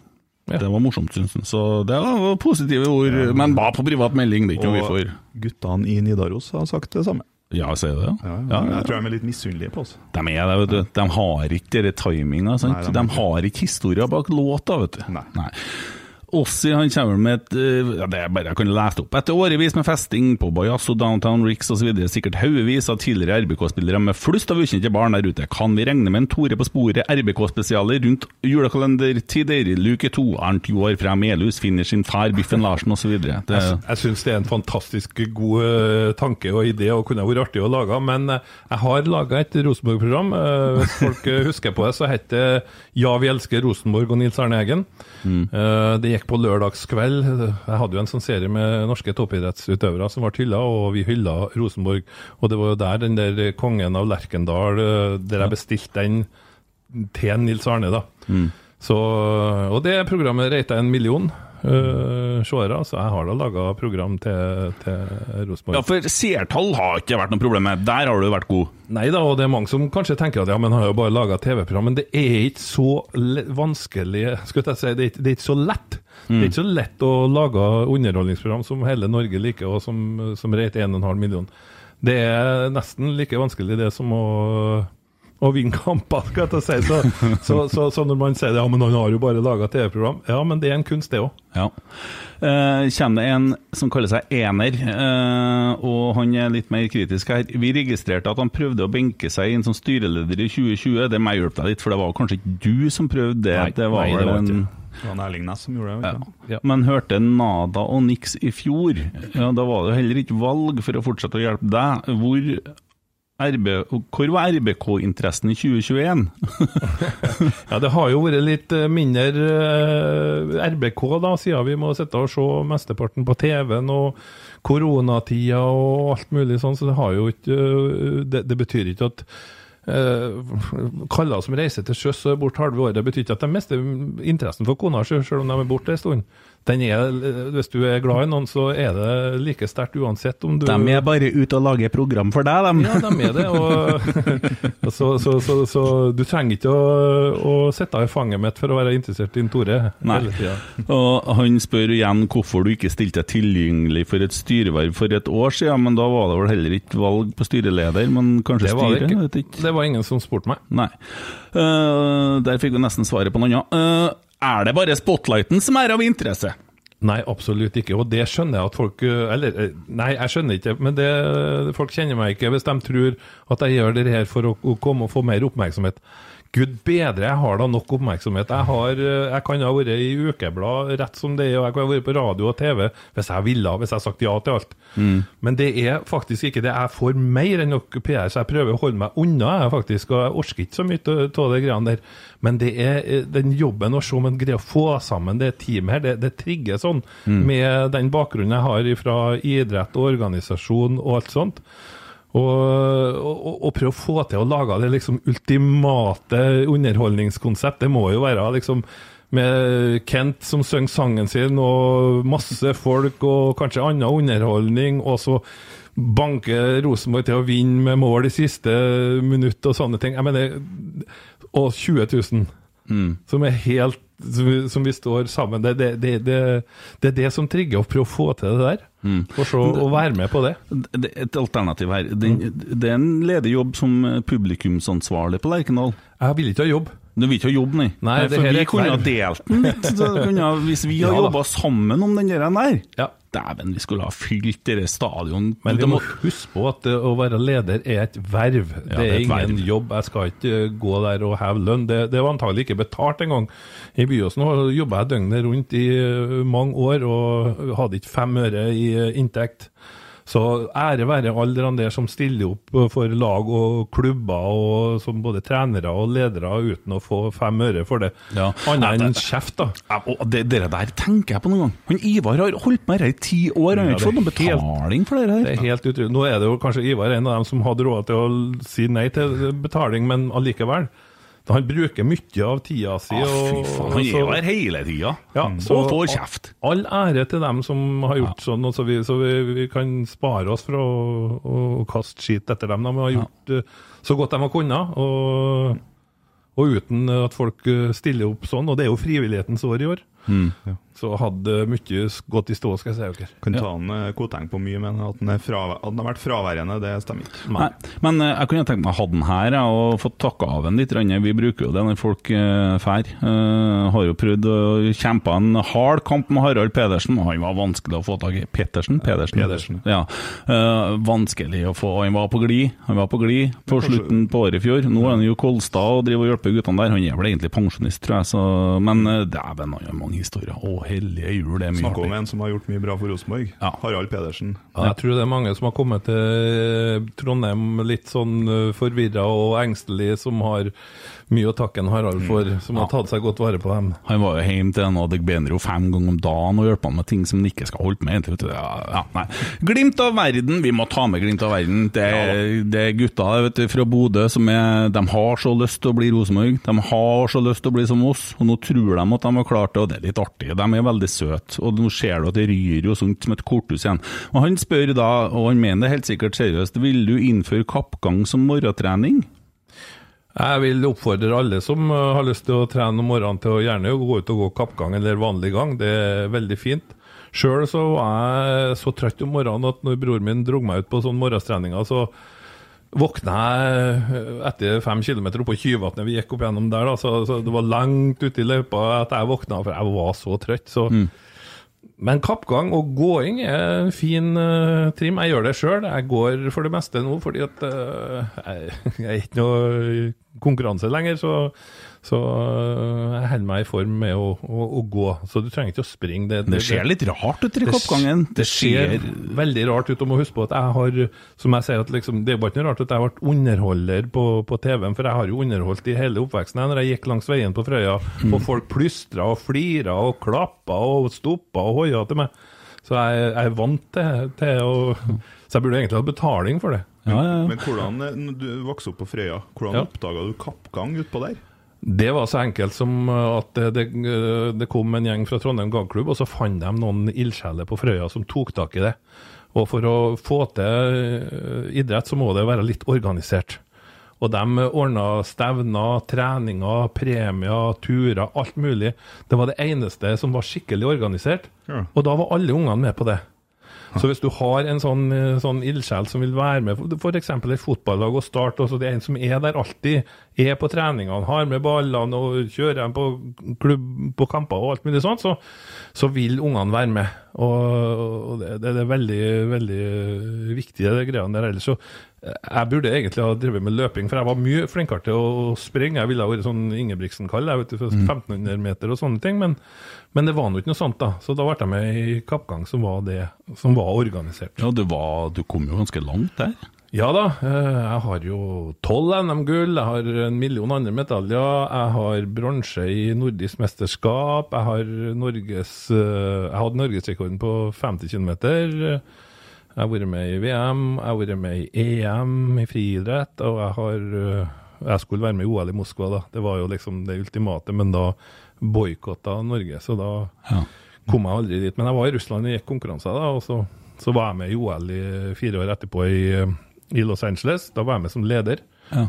Eh, og blant annet sto jeg og ga drikke til Grete Waitz og Ingrid Kristiansen. Vi måtte støte der, for eh, det var enkelte i friidrett som ikke gidda å komme, så vi stilte den opp i andre. da. Ja, se der. Og så sier han veldig, hørte du det? Jeg hørte det. Ja, Sa jeg veldig? Ja, du sier veldig. Ja, ja, litt mer sånn veldig, men du har, du har den der litt Ivar Koteng-slengen der, altså. Jo, men han er jo fra utenat Fjordane. Ja, han er fra Åfjorden. Ja, Ja. ja. ja, så vi har det, men, men jeg, når jeg kommer på Frøya, så får jeg kjeft for at jeg snakker for fint. Ja, ja, ja. Så da, etter ei uke hjem, så, så er ikke noe mye vilje igjen, nei. Nei, men eh, du kan ta med deg veldig til, så det, det liker vi, for vi, vi må ha noe å parodiere. Og, og Det kan ikke være vanskelig å parodiere meg, i. Nei da, du, du ser jo gjengangeren i spørsmålene. Ja, ja, ja. Konstant om meg, unger og deg og leiting etter dem. Det er jo det er jo det, det går i her. Eh, men det er jo forståelig. Eh, rolig fyr, han spør òg om motivasjon. Kan vi få en redegjørelse for motivasjon for at han ønsker å være styreleder i Rosenborg, all den tid det er en veldig eksponert posisjon med både press og rampelys? Da har vi snakka mye om. Ja, det handler om at eh, det er vel det konkurranseinstinktet og, og lysten til å, å skape noen ting og være sammen med folk. Jeg har holdt på Med masse ting. Eh, Jeg har holdt på å jobbe med fjernsyn. Jeg har lyktes med det jeg har holdt på med der. Jeg har liksom Det er jo ikke noe Jeg vet ikke noe mer hva jeg skal gjøre så jeg er ute etter ting som eh, er artig og interessant.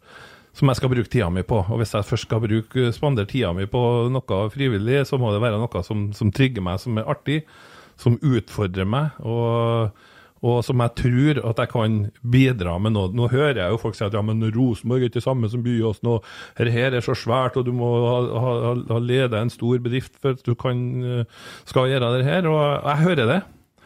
Men jeg er ikke eh, 100 sikker på at det er helt umulig for eh, en som eh, nødvendigvis eh, ikke har leda en altfor stor bedrift heller. Så, for jeg regner med at Rosenborg har ei dyktig økonomiavdeling, og du får all den hjelpa du trenger sånn, og vi har gode fotballspillere og gode trenere, så det er bare å sørge for at de har det bra, at mm. ting er på stell, og så kanskje være med og løfte entusiasmen og gløden og ah, stoltheten uh, lite grann. Så hvis man klarer at folk begynner å bry seg igjen, så jeg slipper å høre folk si at når jeg spør om Rosenborg, så sier de jeg aner ikke hvordan det gikk engang, har de spilt kamp? Hvis vi kommer bort ifra det. Og da må du gjøre en del grep. Jo, er det vi, vi gjør jo våre grep herifra. Og her er topp. Vi Ja, ja. podder, vi, vi er, jeg tror vi er på nummer 74, faktisk. Jeg kommer til å støtte podden med alt jeg har. Ja, ja, det her, det her, nå snakker vi. Det er bra. Ja. Show me the money! Ener følger opp eh, det spørsmålet. Avtroppende styreleder er omtrent den eneste av eliteserielagenes styreledere som har stått i spotlighten. Er Mr. Strømøy beredt til å holde en lavere profil og la administrasjonen håndtere media slik som andre klubber?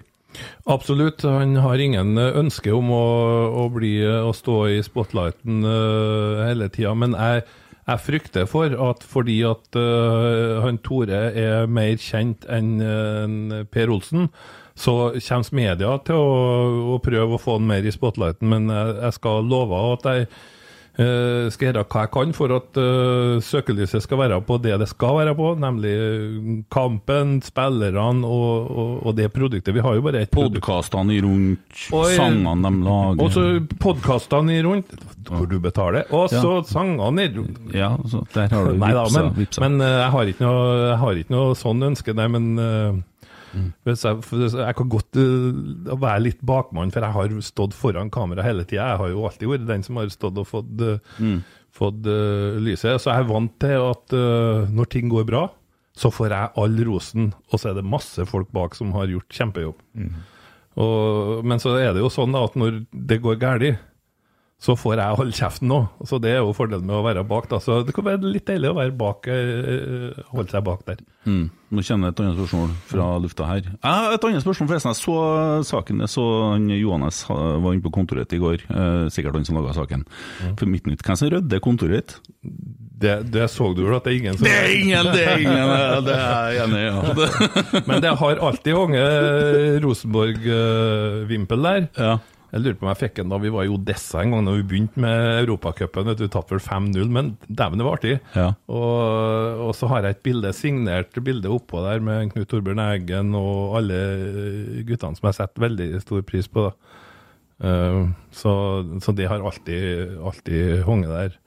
Og jeg kjenner jo masse av de her guttene, Mini og Gjøran og Nils Torbjørn for eksempel, husker jeg jo godt på traffen i USA når vi var der eh, i 84 Los Angeles. Uh, ja, ja, mange av de her uh, karene. Så, så jeg har så stor respekt for. Mm. Da kommer det et veldig bra spørsmål i forhold til det du snakker om nå, og det er fra fotoguden. Det må jeg si. Det, Bodø Car, ikke sant? jo, det er jo det. Ja. Ja. Og du skjønner hva sånn fotoguder holder på med. Jeg har nemlig sett Wisting. Wisting Ja. siste Stemmer sesongen. Der. har skjedd nettopp, jeg. Ja. Bare nevne, jeg trenger ikke si noe mer. Eh, spørsmål fra Glimt-supporter. Har 90-tallet blitt en hemsko og syvende far i huset hos RBK? Ønsker du å tenke nytt i forhold til det, eller omfavne det i større grad? Eh, jeg tror eh, at man skal huske på historien sin. Jeg tror det er viktig å ha en historie. Det kan jeg jo si ut ifra det jeg jobba med Tore på sporet, vite at du hører til en plass, og at det har gått folk før deg, og, og være litt stolt over, eh, over det de har gjort. Men samtidig så er det nye tider, og du er nødt til å skape din, ditt eget liv og din egen framtid. eh, Så, så vi kan ikke lene oss eh, på, på fortida og si at alt skal bli likens, for da tror jeg at vi kjemper en evig kamp om å kopiere noe. Vi får heller prøve å skape noe sjøl. Og jeg tror jeg ville vært forsiktig med å gått og pålagt et lag å spille 4-3-3, f.eks. Gå og si til trener de må spille 4-3-3. Jeg tror jeg ville vært mer enn fornøyd hvis det hadde vært angrepsfotball, så det har susa. Så, så jeg tror nok at, eh, at et lag er nødt til å få eh, utvikle seg i si tid, og med, fordi at vi, vi, vi påvirkes jo av ting rundt oss, og den andre typen Hvordan andre spiller fotball. Så, så Rosenborg må nok uh, se framover. Og, men vi burde ha, være gode nok og ha folk gode nok til å kjempe helt i teten i Norge, i hvert fall. Ja. Som selvfølgelig ikke er nok for meg. Nei, vi må videre ut. Skal Europa. Jeg har vært, jeg husker jeg var i, i, i Napoli da vi tapte var det 2-1 eller 2-0 for Juventus i kvartfinalen. Ja. Og vi for derifra, og vi var Den følelsen, den er så snål. For jeg husker på, jeg var så skuffa. At vi tapte for den gjengen der. Hvorfor De fankeren var dopa, de, skjønner dopa, De var full av ste ste steroider. Det er godt mulig, Ja. men eh, det andre jeg husker på, det var at det lukta eh, innstengt eh, kjeller inne på stadion. Ja. Ja. Det husker jeg på. Og så at vi satt i busser lenge før de kjørte oss ut. Og så Nått Ulseth kom og sa «Ah, du har, du har sånn uh, hockeysveis, Tore, sa han, og da var det i hvert fall ti år siden jeg hadde klippet den bort. Mm. Da skjønte jeg at Nått Ulseth skal ikke bli frisør.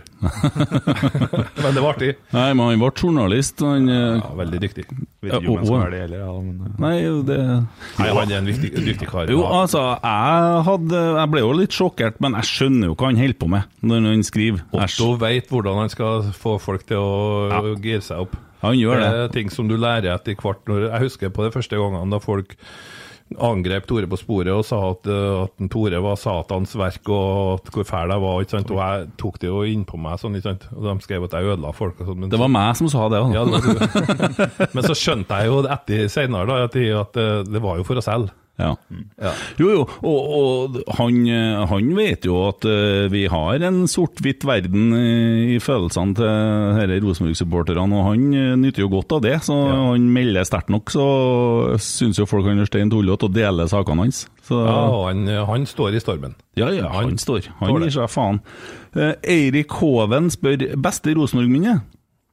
Beste Rosenborg-minne? Åh, ja, det er jo så mange, men det er klart at når vi slo eh, Real Madrid på, på Lerkendal, det var, det var sterke saker. Men, men, men samtidig så, så, så vil jeg alltid huske på det når jeg står på pressetribunen, tror jeg det var.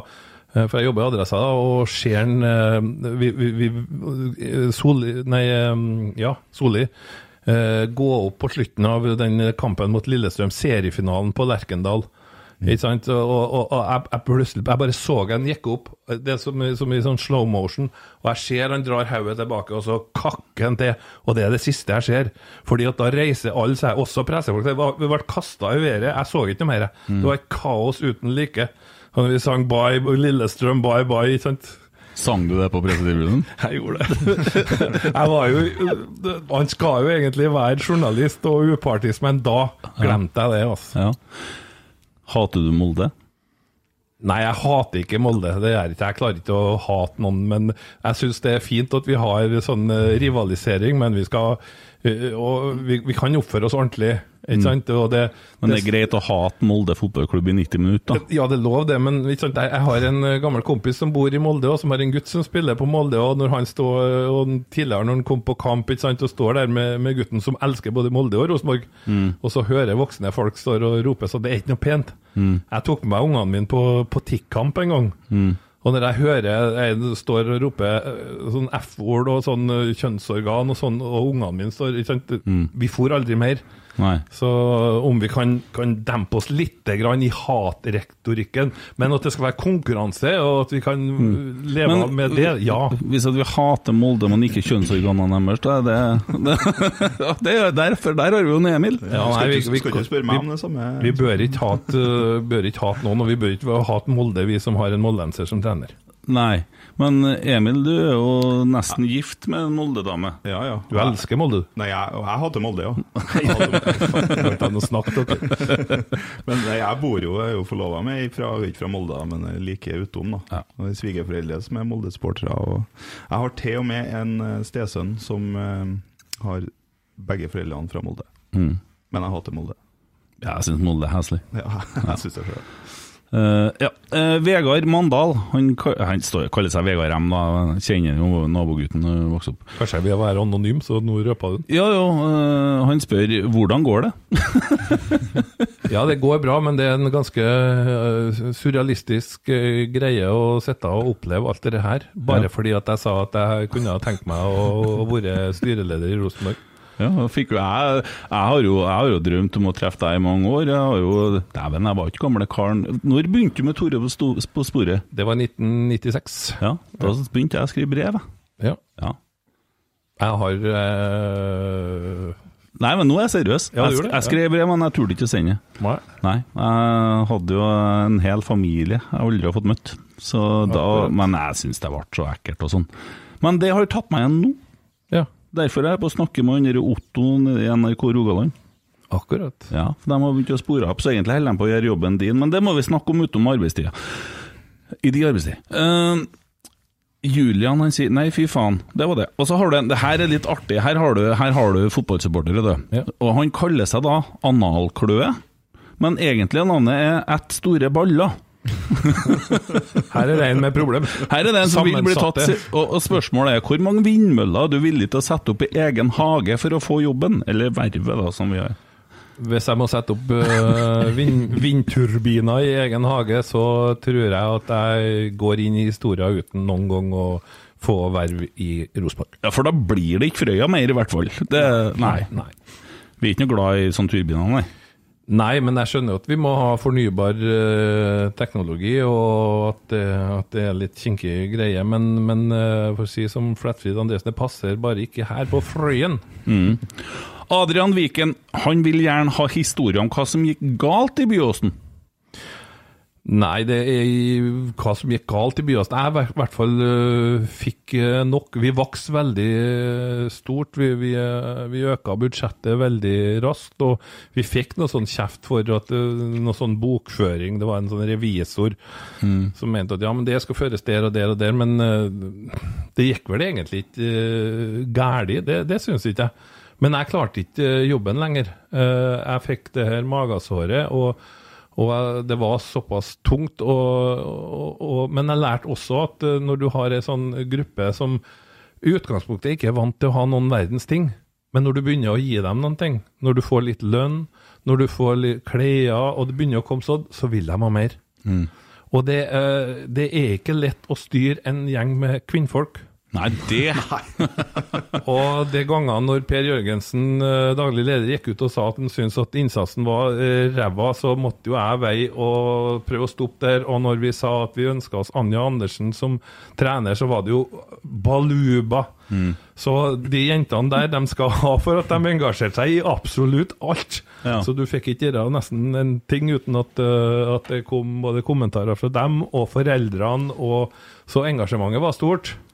Men til slutt så kjente jeg at uh, skal jeg ødelegge mer av fritida mi på det her? Uh, nei, så jeg ga meg da. Men som sagt, vi var i Champions League, og vi Jeg har liksom funnet headlineren der nå. Tore Strømøy for magesår og kvinnfolk.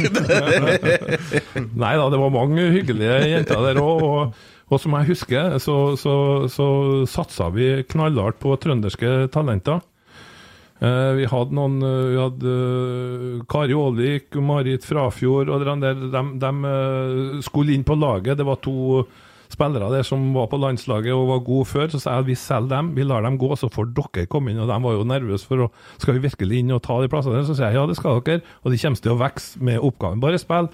Så en dag så kommer dere til å komme på landslag, skal du se, og så kanskje kan vi vinne dere EM, VM eller til og med OL, sier jeg. Så de må bare kjøre på. Og du kan jo se hva som skjedde etterpå. Det kom trøndere på trøndere på trøndere på landslaget. Camilla Herren var vår greie. Vi var ved og fant en en talent sørafor som vi hadde inn på laget. Tonje Nøstvold, ikke sant? Snorre Det var, det var trøndere og nordmenn overalt, så, så det går an, men man må la dem få, få spilletid. Og i, i, i sommer eh, så har jeg eh, vært mest bekymra for Emil Konradsen Seide, som jeg syns er en fantastisk spiller, og som jeg lurer på Neimen, Åge, hvorfor får ikke han spille? La han spille, la han spille, la han spille! Ja, men da Men jeg skal ikke blande meg borti Nei, for det er akkurat det. Du Du kan ikke begynne å sende tekstmeldinger til treneren, Nei, for det, det har vi, det har vi opplevd før. For sånn kan jeg gjøre så lenge jeg sitter i stolen og er bare vanlig supporter. Ja. Men jeg lover at når jeg kommer Hvis jeg kommer, Ja. så, skal Da- jeg, så kommer det ikke ei tekstmelding Nei, til send den, da, da da er det bare å sende den til oss, og så kan vi sitte og brøle om det her. Ja, men det jeg prøvde å si, det var liksom det her med at du må ta godt vare på de lokale talentene. At vi må se dem, at vi slipper å oppleve at, uh, at andre klubber selger dem med Det er jo ikke så enkelt. Det er jo Gjelde som drar til Skottland når han er 17. Denne, eh, ja. Mm, ja. Ja. Ja, nei, det er ikke lett, og det, konkurransen er jo knallhard nå. Mm. Så da må du jo gjøre det å spille på Lerkendal enda mer attraktivt. Det, det må du bare gjøre. Og, helst nødvendigvis ikke med å peise inn masse penger. Nei. Det må være den stoltheten og den tilhørigheten og den der åtgaumen du får ifra dine egne. Ser jo, men jeg ser jo, det vi har tatt opp fem juniorspillere i Asdal nå som har fått kontrakt. Det liker jeg. Det er jævlig bra der. Ja. De, eh, jeg ser, og han, eh, Men de må få spille òg. Han eh, første en Rekdal sa bort mot det, var jo at han syntes at den Røsten var veldig spennende. ja. Og eh, det virker jo som at han eh, har tenkt på å bruke han en del, da. ja Roar som har fortalt den der, så du må Men Kjetil Rekdal har oversikt, han Ja, han har Ja, det. han har det. Uh, Andreas Rønning, et par supporterspørsmål her. Uh, viktig å svare rett nå. Hva mener du om sluttspill i Eliteserien? Eh, I utgangspunktet så syns jeg det høres litt merkelig ut, men, eh, men det jeg vil, eh, ville ha sagt, er at man skal ikke være negativ til forbedringer og nye ting. Det har Norge vært for lenge, jf. bokløvstilen og sk- skøyting i, i, i langrenn. Der var jo Norge helt imot, og vi var imot kvinnfolk som hoppa og sånn, så, så jeg vil nok øh, gjerne høre hva tankene går ut på, og om det gjør produktet enda bedre og enda mer spennende. Men det må jo være rettferdig, selvfølgelig. Men Ja, jeg syns det høres tullete ut, for at det ble nesten 40 kamper. Ja, nei, jeg, jeg har heller ikke noe trua på det. Nei, Men- men, men- jeg kjenner for lite til det til å kunne ja. kommentere det. Men, øh, men, men sånn i utgangspunktet så vil jeg gjerne høre om nye forslag. Din jobb som styreleder ville i så fall bare ha vært å sagt det vi har bestemt oss for på møtet, Ja. på årsmøtet. Og så sier jo ja, nå det som er flertall, og da er det det du må mene. Det er jo jobben din. Sånn er det, ja. Du må stå og felle. Bortsett fra de tingene dere får lov til å så mene alene på styret, og det er ganske mye. Hva mener du om blussing? Hva er det for noe? Sånn når når de har sånn Å ja, bluss og sånn. Ja, Eh, jo, det kan være artig, det, men jeg, jeg, jeg hater blussing når det fører til at eh, stadion blir lagt i røyk, og du sitter på TV-en og ser ikke en damn drit hele første omgangen. ja, det irriterer meg Det noen ganger. irriterer Ja. også inni helsike, så eh, du kan få lov til å blusse hvis vinden drar deg rett ut. Ja. Så skal du få lov for meg, men eh, du må jo være forsiktig, selvfølgelig. Men eh, jeg ser jo at det skaper stemning og sånn, men, men det må ikke ødelegge produktet. produktet. Ja, og jeg digger, digger og jeg ser jo media digger det, for de bruker det jo. Det er jo Ja, masse ja. bilder av det, selv om det er forbud mot det fra NFF og sånn. Eh, Øystein Eikli spør i hvilken grad følger du med på fotball i dag, nasjonalt og internasjonalt? RBK har over tid holdt fast på gamle ideer fremfor å fornye seg og henge med på utviklinga i fotballen. Hva er dine tanker om endringene som er gjort på SalMar Akademiet de siste par årene? Jeg kjenner ikke SalMar-akademiet noe særlig godt, men eh, jeg, jeg, jeg ser på sidene at det er masse trenere. Veldig mye trenere. Ja, og når jeg ser at det er trenere med titler som ikke jeg aner hva det er engang, så tenker jeg kanskje vi skal se litt eh, på det der, om det, om det er den rette måten de her midlene blir brukt på. Det tror jeg nok jeg vil gjøre. Men eh, til det andre, jeg følger masse med fotball. Jeg ser Jeg følger med nesten for mye. Og jeg har jo en lidenskap, det er jo Cardiff i, i engelsk championship, som, eh, som har vært laget mitt, da. Som hadde en storhetstid, i hvert fall når Ole Gunnar Solskjær trente dem og ødela dem, ifølge tilskuerne i, i Cardiff. Eh, så jeg følger med på det og engelsk fotball. Jeg følger med spansk. Jeg er jo svak for Barcelona, selvfølgelig. Og har jo fulgt med hele opplegget til en Ole Gunnar borti der. hvor det gikk, Men du, du kan ikke få en som holder med Cardiff eller Chelsea eller Liverpool til å holde med Manchester United, sjøl om det er en fra Kristiansund som trener dem, altså. Nei. Nei, det går ikke. vi kan ha sympati, men der får vi må sette grenser der. Men jeg er nok litt for opptatt av sånn. I går satt jeg og fulgte med kampen mellom Barcelona og Levantes, tror jeg det var i cupen. Og Levantes leda 1-0. Tenkte jeg, "Vel, svarte her, det, men de vant jo 2-1 Barcelona. Vi har vært veldig sånn Alle vi i studio her har vel tatt avstand fra engelsk fotball, tror jeg. Spesielt etter Newcastle og oljepenger og sånn og sånn, og sånn, og priser på TV2 og alt det der. Så vi, vi har fremma norsk fotball med det vi greier, og vi ser vi ganske mange på Twitter som er sånn eliteseriefronter. og det er litt kult òg. Det er kult også. Og, og, tysk fotball har jo ligget det lenge. Jeg var jo og laga et TV-program om Rune Bratseth i sin tid. Da var jeg jo i Bremen, var på Weser-stadion og, og møtte folkene der. Og, og nå følger jeg med en Haaland som jeg syns er fantastisk. Det er jo så artig å se han der eh, typen der. For, for en Hva tenker du om sånn eh, Bentner var i Rosenborg og sånne ting? og snakker om Haaland nå, og så kommer det, Vi hadde jo en sånn eh, ganske stor stjerne her òg. Tror du det var dumt eller bra? Det er jeg litt usikker på. For på sitt beste så var jo Bentner uh, magisk. Jeg husker på en gang var, var det mot Sarpsborg. De pressa han ut mot venstresida, og han bare får av gårde ballen. og Du ser han går i bue og rett bort i målet. Så liksom, åh, Da var det et smak av noe helt annet, men uh, Men du så jo at det ble mindre lag etter hvert. Det ble jo noen sånne konflikter der. Han for litt som han ville. og... Ja da, og jeg tror nok at, uh, at dem som sier at, uh, at vi kanskje ikke klarer å slå utlendingene på sånn kvalitet på spillerne individuelt, men vi kan slå dem som lag. Og det var jo det Rosenborg uh, seira så mye på når vi var i Champions League òg. Det var jo laget. De, de var jo så gode som, som, som lag. Og dermed så ble det jo andre overkjørt, og vi hadde ikke noe sånn derre folk med nykker som bare la seg ned og liksom, hvis de ikke fikk ballen. Og, ikke sant? Så, så, så det laget som Og det ser du jo i Bodø-Glimt nå. Det er liksom Det er jo laget som Jeg fikk sånn rush i kropp. ja, det, er jo, det, det er jo litt rart å tenke på at det var liksom farmerlaget vårt, da. Det var jo der det, jeg det, det, det fortsetter. De har ikke, det er ikke noe igjen. Hvem har, har de solgt mange? De har jo kvittet seg med alt! Ja, det er, vet ikke om de klarer å stille lag jeg på nyåret. Jo, men de er jo der som vi var før, der vi kunne kvitte oss med en to-tre-fire spillere. For vi De har kvittet seg med flere. Ja da, og, Botheim, Berg, Pellegrino, vet ikke, men vi fortsetter. Uh... og så kommer det inn nye spillere, fordi at rollene er så avklart. ja, ja, ja. Spillestilen er så De har, avklart. nå har de flere trenere enn spillere der, så det, Ja, så det blir bra. Det er klart Når Rekdal nå får øvd inn Rosenborg-spillestilen, den nye, så vet juniorlaget og guttelaget hvordan man skal spille. Ikke sant? Så da vil Ja. det Og da skal vi rasere Bodø-Glimt. Vi skal sende dem tilbake til Obos og enda lenger ned. Nei, det har ikke noe å si om de er med oppe i ligaen, men vi skal bare ligge først. Skal få spille imot Brann og Fredrikstad og sånn. Arvid han spør har du funnet alle ungene til Kent Aune. Ja, vi tror vi har bra kontroll. Begynner å bli bra nå, ja. Ja. ja. Morten syns at standarden på gjestene er litt høyt nivå, men når kommer Kjetil Rekdal? Uh, han holder vi på å jobbe med, og det blir uh, Skal vi se Og så spør han deg uh, Hva kan du komme med som er nytt i styret? Jeg kan komme med masse nye ideer. Jeg har allerede masse ideer som jeg har satt opp. Det er jo kanskje litt teit å sitte og, og, og lese opp det her nå, da. Ja. Det vil det være, men jeg har en del grep, ja. Og det går, øh, det går ikke på inn på laget, nei. Det, det, det, skal ikke jeg ha noe med, men det går på produktet. Og måten jobben blir gjort på, og hvordan vi skal gjøre det mer attraktivt. Og, og jeg har jo selvfølgelig tenkt litt på, på, på Frøya der. Det, det kan jeg jo si. Jeg mener, Vi har et SalMar-akademi. På Frøya har vi en uh, storhall av eh, ikke sant, som internasjonale mål som SalMar har bygd, og vi har en videregående skole.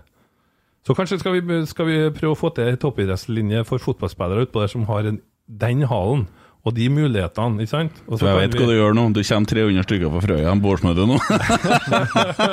Jo, men det, men det er viktig, og, og jeg har òg planlagt at jeg skal ha bilder fra alle trønderske kommunene rundt på Lerkendal, bare for å, for å slå fast hvor vi hører hjem.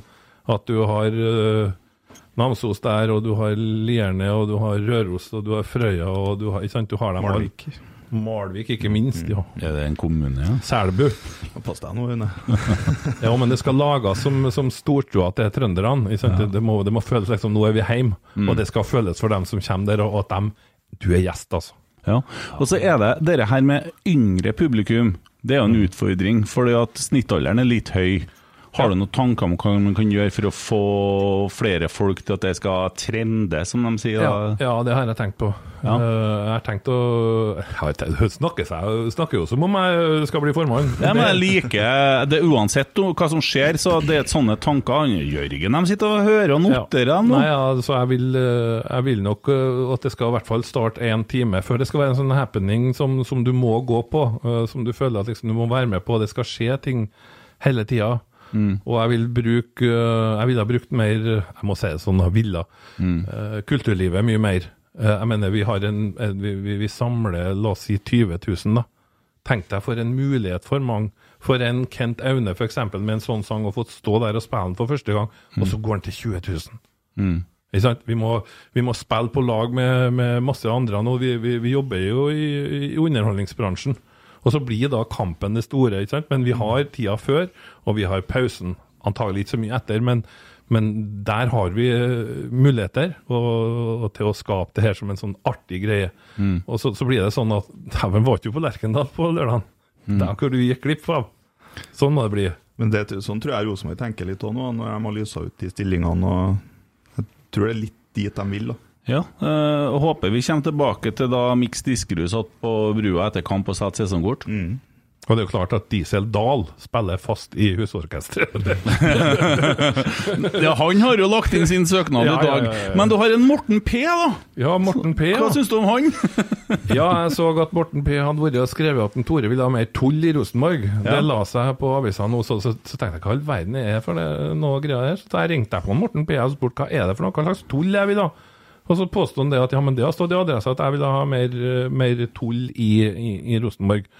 Så ble jeg litt forvirra. Tenkte jeg, farsken, har jeg sagt noe, noe, noe sånt? Eh, eh, så gikk jeg inn etterpå og sjekka hva det som står, og så står det her Så Tore sier Jeg mener det trengs en styreleder med en annen måte å være på. Mer tullete og folkelig. Og det hadde han da tolka som, som mer tull i Rosenborg. At vi skal begynne å tulle mer. Det tenker jeg, Dette er en beskrivelse av en trønder som sier at han ikke skal ta seg sjøl så alvorlig. Og at han skal, skal være folkelig og, og skal kunne drite seg ut litt. Det gjør ikke noe det. Vi skal liksom, vi skal vise at det er lov til å, feile og sånn. Og når det da blir tolka som den måten du skal styre klubben på, så blir det litt rart. Men jeg sa til han sa ja, men du kan jo skrive et eh, motinnlegg, sa han til meg. Og så sier jeg men det er litt sent, da. Men det du kan få lov til, sier jeg, du kan bare ta ut sitatet du har brukt. Det her fra adressa, og så legger du det i saken din.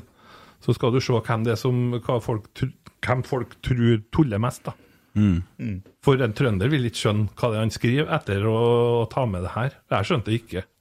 Nei, og har jo, styret har jo litt å gå på i forhold til at man har opplevd den avstanden, og det mener jeg ikke med alle, fordi vi har hatt Mark Stilson her, han er jo helt fantastisk, nydelig, veldig jordnær person, eh, som jeg føler jeg kommer godt innpå, og jeg har jo pratet med han på telefon og fått litt sånn når jeg har lurt på ting, og, men avstand er litt stor, og jeg tror at man har kanskje opplevd litt arroganse og litt sånn der ovenfra og ned-holdning som har gjort det at folk er litt lei òg. Og det, da, da kan jeg stille meg bak at jeg er enig i den folkelige biten. Også. At det, jeg tror vi må få åpna brakka litt, da, for å bruke det bildet. Ja, og jeg, da jeg, jeg oppdaga at jeg traff noen gamle rosenborgere som jeg brukte å treffe på brakka før, satt oppe på hotellet, så ble jeg jo helt sjokkert. Så jeg ville jo, om det ikke er plass i brakka, så bygge ut brakka, da, så vi får en plass til folk å få lov til å sitte.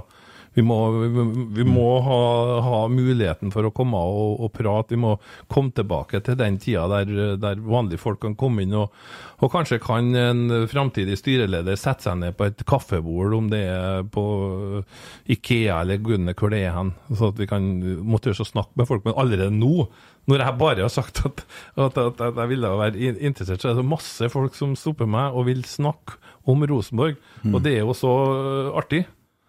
Og det er jo sånn du må, du må begynne. Du må la folk slippe det. og Kanskje skal man ha noen noe treffpunkter der folk kan få lov til å komme, og alle andre som er så misfornøyde. Ja, men kom og fortell oss hva vi skal gjøre annerledes.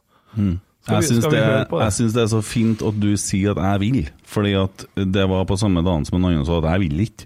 Og jeg treng, vi trenger det at folk sier 'jeg vil, det her er jeg stolt av, det her vil jeg hjelpe deg med', og så får det nå bli som det blir. Men vi må nå hjelpe Rosenborg uansett om du blir styreleder eller ikke òg, så har vi jo, kan jo alle sammen bidra eh, Ja da. som medlemmer. Så jeg håper at folk ikke uh, skyter meg altfor mye fordi at jeg har uh, faktisk lyst til oppgaven.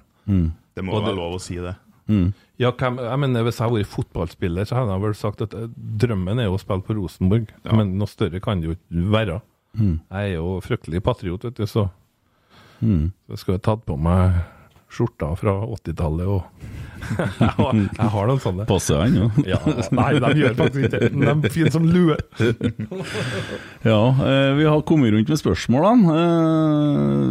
Eh, hva vi skal, vi skal ha en ny pod neste uke. Jeg vet ikke om det skulle vi ha på søndag nå? Var det sånt? Hvordan ble det? Eller? Eh, vi skal i hvert fall ha på tirsdag. Ja, for da har vi en artig gjest. Ja, stemmer. Da kommer en eh, Kjetil Rekdal og Kåre Ingebrigtsen og han, eh, Kasper Wikestad og Morten Langli på én gang i eh, figuren til Kasper Foss. Mm. Og Kasper Foss kommer som Kasper Foss ja. som Ja. Kasper Foss. Ja. Ja. Nå trodde jeg faktisk Kåre Ingebrigtsen skulle komme. Nei, Kevin har lovt meg å bli melde seg inn i Rosenborg igjen, da. Ja. Har han gjort. Og bra. Diesel Dahl har jo starta sin kampanje for deg. Det blir jo artig å følge det der. Hvordan eh, det er Sånne ting det har veldig effekt. eh, Det, det, ja, det her blir et veldig spennende valg. Og Det var noen som spurte meg om hvilket forhold jeg hadde til, til, til kjernen. Og da sa jeg at uh, hvis jeg blir formann, så skal jeg stå sammen med dem den første kampen. Herlig med sånne folk. Ja, Tenk deg det, folk som er så dedikert. Ja, det, Jeg hadde ikke Og bare at de orker å synge hele kampen gjennom! ja, det der er en eh, bra lovnad, det òg. ja, den eh, Ja, men den skal jeg stå for. tror jeg går rett hjem hos veldig mange. Ja. ja øh, jeg vet ikke. Skal vi avslutte med den sangen, eller skal vi bare avslutte? Ta, ta den en gang til. Bruker jo det, det er jo nesten tortur for dere om å sitte og plages med den igjen, da. Nei. Nei, vi tar den en gang til. Tar den en gang til. Ja. Så skal vi ta den på radioen om ikke så lenge, tror du ikke det, Tore? Ja. Den kommer. Også på. Lerkendal. Ja ja, det ordner seg nok. Ja. Bare få tak i den gitaren. Min gode, gamle Gibson. Men det er litt underlig òg, Kent. Du har vel skrudd av nå? At, at du har dratt så mye damer? altså, Det visste jeg ikke. Nei, du Klar over det? Du har jo, du har jo lagt ned veldig Var det sklitaklinga, eller hva gjorde du? Har du sett mi, du- eller? Ja, så her, jeg har en her. er Han, hun er jo fra Nord-Norge. Nei, så her er kona. Og det er kona. Ja. Ja, Steike, da. hun var søt, hun. Ja, hun er det. Jeg får kjørt meg ganske hardt, ass. Men eh, ja, vi får nå se hvordan livet blir etter podden her nå. Det... Skal få ligge over Etter at Kent. Aune hadde hatt Tore som i i programmet sitt, så dro han nordover, og vi så han aldri mer igjen. Her kommer sangen. Fy faen, altså. Dæven, han Ja. En liten by, et lite land. Sitter en kar, han har gjort seg klar. Skal være med pappaen sin på kamp. For aller første gang får sitt i pappas fang. I glede og sorg, vi elsker Rosenborg. Et liv i sort og hvitt. Jeg synger for laget mitt. Om skyene grå, vi er alltid RBK. Historia er stor, vi lager nye spor. Årene går, dem går i lag. Faste plassene sin, med skjerf og flagg så fin. Den lille byen vart veldig stor. Fikk hele landet med. To stjerner blir snart tre. I glede og sorg. Vi elsker Rosenborg. Et liv i sort og hvitt. Jeg synger for laget mitt. Om skyene grå. Vi er alltid RBK. Historia er stor. Vi lager nye spor. En dag var ene setet tomt. Pappa var ikke med, reist til et bedre sted. Aldri en som vi er mange. Aldri båret noen nag. Har verdens beste lag. I glede og sorg. Vi elsker Rosenborg. Et liv i sort og hvitt. Jeg synger for laget mitt. Om skyene grå. Vi er alltid RBK. Historia er stor. Vi lager nye spor. Tores spor. Oi, oi, oi,